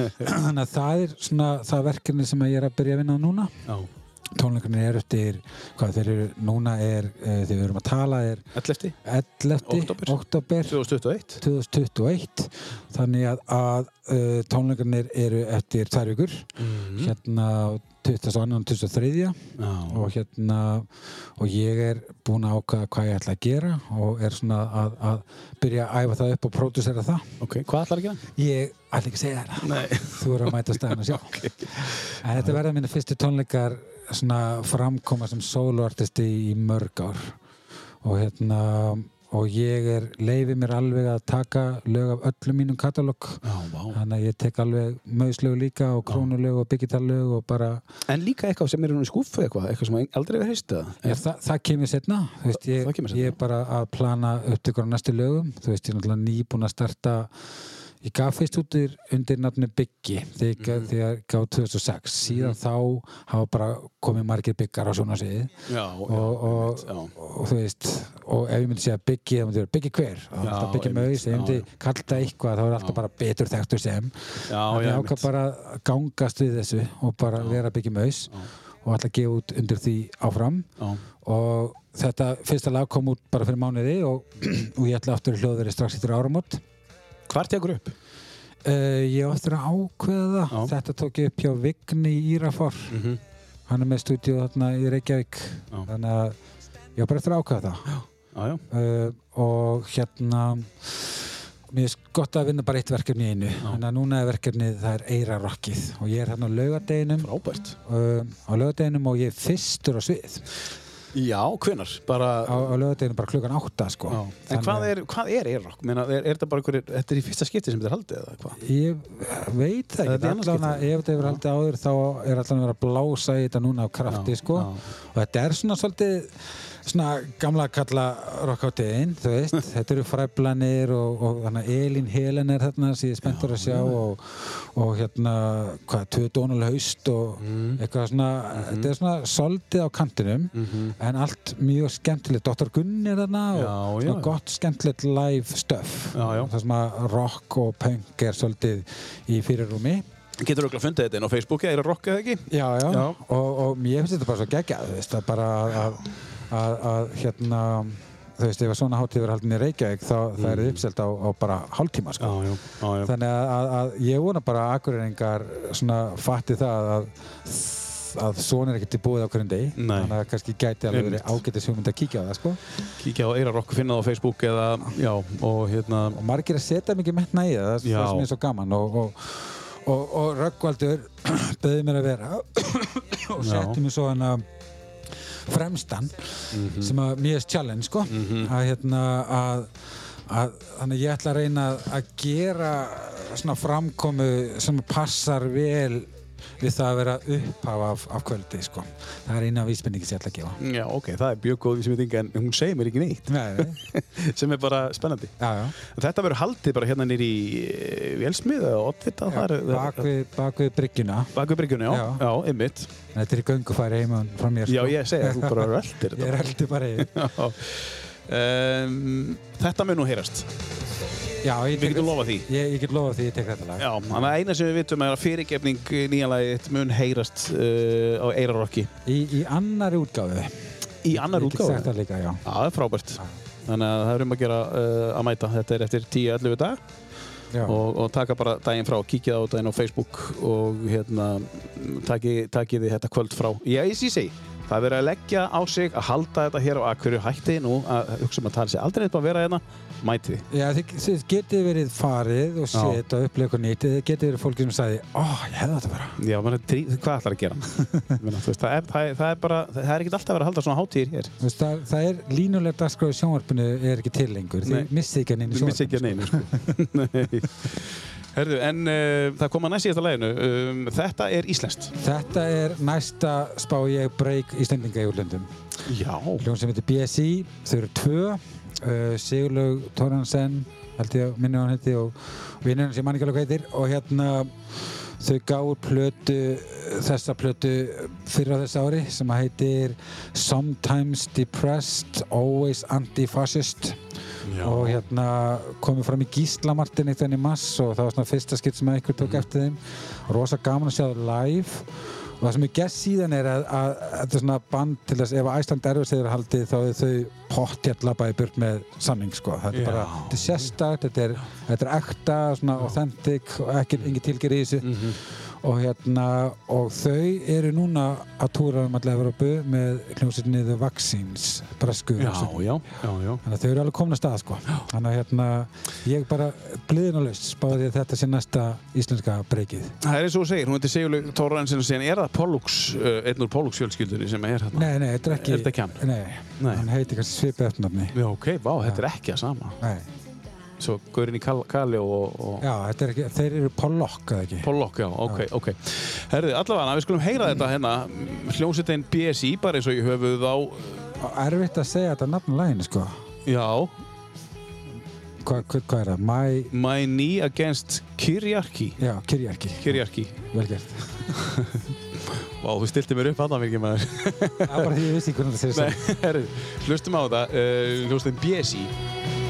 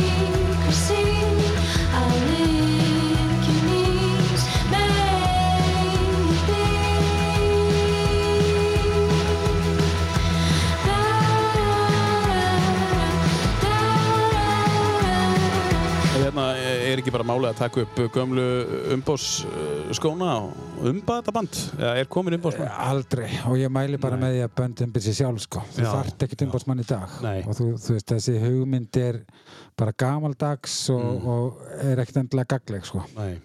En þú ætti alltaf að býða til hvernig annar hjálpi þér í staðan fyrir að verða og gera hlutna bara sjálfur. Já, þú ert ekki mikið fyrir það. Eða þú veist, ég, ég, Nei, þú þú ekki. veist, það getur alveg verið sniðugt en, en, en hugmyndinum á þú þurfir þessar hluti, sérstaklega í dag, að þú þurfir plötufyrirtæki og þú þurfir hérna, er, er bara ági við sko. Mhm. að því ég get gefið út lag á morgun og það getur í alveg einhverju Kína verið að hlusta bara fimm mínútur setna mm. Já, einmitt. þannig að það er bara svona svolítið eftir þú veist, hvað ætlar að gera til þess að, að vekja áhuga á því og, og eins og snýst mest um í dag þá er það bara að komast inn á tónlistarbloggin, komast inn á playlistana og þetta og þú þarft ekkert umbóðsmann, Nei. þú veist, ef neina í þessu sjálfur Nei, nei, nei, nei. Um, böndin í dag, um, þessi bönd sem eru sérstaklega eins og þetta, land, þetta band sem er að syngja á þið er þið ekki alltaf að hugsa stökkpallur erlendis? Er, er þetta ekki... þau BSI syngja reynda til skiptis á íslensku önsku ok, já, já, já, ég veit ekki hvað fólk er að hugsa. Nei, nei. En ég, ég hef allavega, veist, þessi pæling líka kannski svolítið gamaldags að meina Sigur og syngur nú ekki mikið á ennsku Nei, það er rétt. Og hérna, þannig að það virðist ekkit endilega þurfa, Nei. Þurfa að syngja á ennsku sko. Björk söng nú ekki á einsku fyrst söng hún á debutplötunni á einsku? Já. Jú, jú, það var alltaf það? en, en svona, þú veist, hún slætaði inn svona íslenskum Já, hérna, og gerði svona íslenskar útgar og, og, og lögunum sko en já, já. ég, ég veit það ekki ég, en ég held að sé líka bara eins og listamenn eins og bara með sjálfa mig að stundum koma lögut á ennsku og stundum íslensku og maður veit ekki af hverju Nei, nei, það kemur bara. já, En þegar þú semur, já, hvort notaru, hvaða hljóðfæri notaru? gítar s- píanó Já, æði í bland. já, stundum bara stundum bara hausinn á mér Já. kemur eitthvað bara upp í hausinn á mér sem að ég pikka svo upp á hljóðfæri mín sko. Hefur þú fengið eitthvað í hausinn oft uh, og ekki setta niður og mista sem að uh, þú sér eftir? Ef ég man ekki eftir því þá get ég ekki séð því Nei, þú mannst ekki eftir því. ef, þú veist, ef að lag er gott þá lítið það að lingur áfram sko. Mm. og þá svona reynir maður að, að skráða þú veist maður Mm. skrifa niður textan eða Mhm. pikkar upp á gítar Mhm. og hérna ég, ég bara veit það ekki maður bara, Það er svo, ég komið inn á þetta áður en það var hérna bassalekarinn í Queen sem að var að leiðin í, matabóð Mm. og með, þá var hérna kæristinu sinni og hann er svona eitthvað að, hérna, með einhverja bassalínu í höðinu mm, hann bara, er, þetta er geggjað. Skrifar ekki niður, fer í matabóðið fær sér í glas, fer heim til sín, gleymir þessu. Já, og þetta kom ekki fyrir bara einhverjum löngu, löngu, löngu setna já, já, en það kom. Já, kom. Af því, af því að þetta var örgulega eitthvað sem að já, var allavega, hann allavega gleymd þessu og þetta kom aftur. Já, þannig að þú er ekki lent í þessu að hafa glemt einhverju og komið síðan aftur? Ég hef örglega glemt Já, ykkur alveg bara pottjætt Já. ég man ekki eftir því. Nei, Nei þú maður ekki, þetta er gott svar. En hérna, segðu mér svona hvað er framöndan hjá þér og þinni fjölskyldu og í tónlistinni og þú ert að fara að taka upp meira? Um, þú er bara rétt að byrja núna í sóló. Já, ég er bara svona að byrja aftur Já. og kannski með öðrum svona hérna áherslu atriðum. Mhm. Ég hef engan áhuga að keppa við neitt og ekki yngri kynsluðuna en neitt. Ég er bara orðin, þú veist, aðeins eldri og, Mhm. og er svo heppin að ég get leitt mér bara að gera það sem ég vil og hérna ég er til þess ekki, þetta er fyrsta skiptið á mínum tónlistaferli sem ég er ekki að hugsa, ég var alltaf að hugsa um plötur, heildarverk sko já, já, já. en núna ætla ég að leiða mig bara að hugsa staka singla og bara þú veist, þegar ég er í stuði og langar til þá ætla ég bara í hljóður að taka upp lög og gefa það út. Og á að sé, ykkur pressa utan að frá hvenær það verður, ég ætla bara að fara í stúdíu þegar að henda mér og, og henda lögunum út. Og þeir sem að hlusta bara hlusta og þeir sem að hlusta ekki þeir bara hlusta á annað. Er það uh, með tilkomu plattform Spotify með þessa singula að geta gefið þetta út eða er þetta, sko að því ég er að spyrja því að uh, vinur minn er tónlistamæður og hann hefur alltaf hugsað bara um heilu plötunar skilur Já, og er þetta svona algengt að þú hugsir um plötunar en síðan núna bara hugsaðu er ég ætla bara að gefa út einn og eitt singul bara, Já, sko, ég held að þessi plötu hugmynd er náttúrulega svo stórkostlega því að það er bara, þú veist, það er, það er sér tegund af listaverki og sem Já. ég náttúrulega elska því að safna vínarplötum og ég hef alltaf, þú veist, kannski vera ég manna við maus, við hugsaðum allt í plötum við vorum ekki að hugsa um singla. Þetta er eitthvað sem er komið tilbaka þú veist, meðum ekki gleyma því að, að þetta byrjaði þarna, þú veist, að við byrjuðum á, á 45 snúninga sjötumum og svo kom LP-platna setna þannig að, að plötu breyðskið konceptið er, er yngra en, en hérna single konceptið sko. og sérstaklega núna það sem ég er að byrja og ég veit, ég er svolítið að byrja på nýtt ég veit ekkert alveg hvernig þetta verður. Þannig að fyrir mér núna að fara að hugsa um einhverja breyðskifu er þið bara það stór biti að ég myndi kannski bara ekkert fara af stað.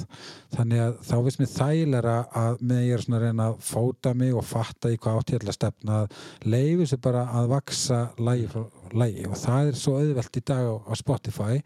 Eitthvað sem ég hef aldrei reynið leift mér að gera af því að ég hef alltaf hugsað þetta út frá öðru fórsendum sko. Og þessi plötu líka bara að ætlast til þess að fólk nenni að, að leggja þú veist að setjast niður og, og hlusta á heila plötu frá allu það er bara stór spónað að spyrja í dag sko. Og, og, og þú verður náttúrulega er allt, við erum, búum á tímum þar sem allt er svo, þú veist, þú færð aðgangu öllu bara strax skilur þú ert með bara allt klám í vasanum bara og aðgangaði hvenna sem er eða þú ert bara með alla tónlist í heim í vasanum og bara aðgangaði hvenna sem er. Þannig að eðlilega finnst mér að, að, Mm. að vaksa það bara með hlustundahópnum sjá Mm-hmm. bara hverjir hafa áhuga og, hvernig það, og leifis að vaksa og, Mm-hmm. og kannski því ég er búið með veist, gera 4, 5, 6 lög og þá kannski ákveði, heyrðu já, ég, ég kannski bara tek upp 5 lög viðbót og Mm. pressa það sem vínil skilur að það er svona að, að eiginlega tónlist er komið smá ring sko þú, ert ekki á- með plötupressuna Svo núna, bara Nei, ég er ekki að hugsa breyðskifi og veit ekkert hvort ég gefa út breyðskifi aftur á nei, sko. bara, En, en, en hérna fyrirgefning um, nýja lægi svona, til þess að ljúka þessu um, uh, Ertu komið einhver ég, kann að hljóma fáralett uh, fyrir listamann að heyra þetta, ertu komið einhverja stefnu í tónlist eða ertu bara ég sko með þessu Já. að fara aftur í síðan að maus hætti eða hætti eða hætti ekki hættum að, að, að, að skapa nýja hluti. Því ég held að maus gæti alveg spila á næsta ári eða hinn eða hvernig sem er ef, að, Mhm. ef stemmingi verður þannig, ég bara veit ekki að þá hef ég persónlega neitað mér um að gera tónlist sem að ég hefði annars gert með maus mm. en ég er náttúrulega sami maður og sem Mhm. kannski svipaða tónlist þannig að ég get alveg ímynda mér að næstu lög verða alveg svona lög sem að gætu hafa orðið gæti alveg hljóma svolítið eins og maus sko. Mhm. að því ég er búin að halda svolítið aftur að mig þar núna í, í, í 17 ár sko. Já, og það er hluti að þér, stór hluti. Já, auðvitað, ég, ég á alveg eitt þriði af maus lögunum, Já. þeir eru bara lög til mig. Einmitt. þannig að, að ég ætla bara fyrst að fylgja svolítið með þessu sjálfur. Já. bara sjá hvað kemur út. Ég veit allavega að næsta lag myndi ég segja að sé alveg svolítið möðslegt ég hugsa að, að ég minnst þetta ólíklegt að, að möðstarnir spili með mér á því líka. Nú, já bara mér langar að bara prófa að vinna með alls konar fólki já, já, já. og hérna og, og þeir eru líka bara á mismyndi stað um hvað þeir vilja gera og svona sko Mhm. þannig að hérna en, en veist, þetta er ég þú veist, Já. þetta, að og ég var í þessari hljómsveit þannig að, að, að ég ætla að leifa mér bara að svona, mér líður svolítið eins og ég sé að leifa mér að ég er búin að taka svo mikið experimental, veist, frá Mm. með sætti soloplata með 2006 var svo veist, elektro plata, mikil skiluru uh, Króna var enda svona smá rock en síðan var Begital bara svona alls konar, þú veist, fyrsta lagi er rapplag skilur og annar lagi er, er bara þú veist, bara svona leifa sér að gera allt annað en maus. Þannig að mér líður svona svolítið núna eins og ég sé að fara aftur í rætunar, veist, að fara aftur í það sem mér er, er mér eðlislegt að gera en ég hef ekki lift mér að gera. Þannig að, að ég hugsa að það verði svolítið svona hérna allan að ég er búin að ákvæða hvaða lög ætla að koma næst og mér veistu bæði svona svolítið svona gætalega hafa verið þú veist, tekin upp á maus á sín tíma en, en voru, voru ekki sko, eru það nýlög eða er það gömulög, er það kafa djúft bara bæði. Er bæði bara, ég á náttúrulega bara svo mikið á lager líka sko, Já, já. út af því að ég neita mér um að, að, að tækla þessa tegundu tónlist að það náttúrulega sapnast svo mikið upp á þannig lögum. Mm. er erfitt að vinsa úr nei, það, það er yfir bara veit ég nákvæmlega Já. hvað er næst. Já, pæla ekkert mikið í því. Nei. Frábár lokaorð uh, Birgir Örd Steinarsson, búið að vera frábært að hafa þig. Uh, við erum að ljúka þessu hérna með einum, einum flottum, flotta, hann er flottastur sko. Hann er flottastur. Þetta er eini rapparinn sem er unni Nóbersjálun hann er unni Nobelsönnun já, fyrir þá bara textagerið textasmiðar. Vá, ok þetta er Kendrick Lamar Já. og þetta er lag af, af annari plutans og hann er að tala um þessi lag um alkoholisma og annað og hérna talar mjög opinskátt um hluti uh, og svona uh, rappar ekki um gullkeðjur peninga og, og þegar hann átt orðið bitches þá er hann að þá á það alveg jafn við karlmenn svo könnum Já, það er svolítið merkilegt, maður fattar það. Einna, einna af þeim stóru í dag, Kendrick Lamar. Þetta er, uh, hann er hann vel þekktur í, í senunni. Hann er bara eitt frægist rappar í heimi. Já. Herði, takk fyrir að koma. Já, takk fyrir að fá mig. Og voru frábært að hafa þig og bara gangið vel í, í, í, hérna á Eirarokkinu og með, með nýja sólofellin Já, takk. Um, 15 ára, það lítur að vera bara, bara, bara, bara, bara blóð allstaðar Þetta er bara gaman. það botni. Bara gaman að fá að, að fara að stað aftur sko. Já, Já frábært. Uh, kæri hlustandi, takk fyrir að hlusta á tíu bestu og þú finnir okkur á Facebook og þú líka við þáttinn þar og þá sérðu hver er að koma hverju sinni og uh, þú nær þessu á öllum streymisveitum eða þú ert ekki með Spotify þá bara fer eitthvað annað.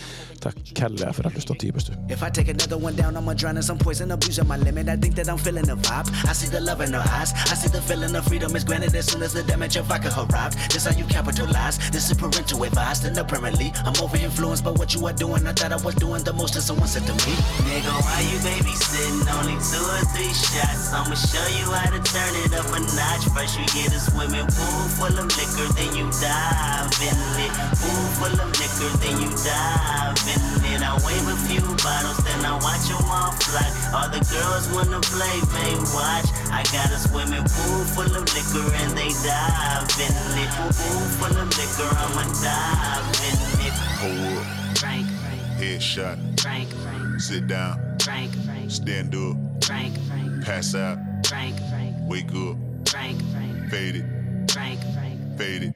Frank, Frank. I ride, you ride, bang. One chopper, 100 shots, bang. Hop out, do you, bang. Two chopper, 200 shots,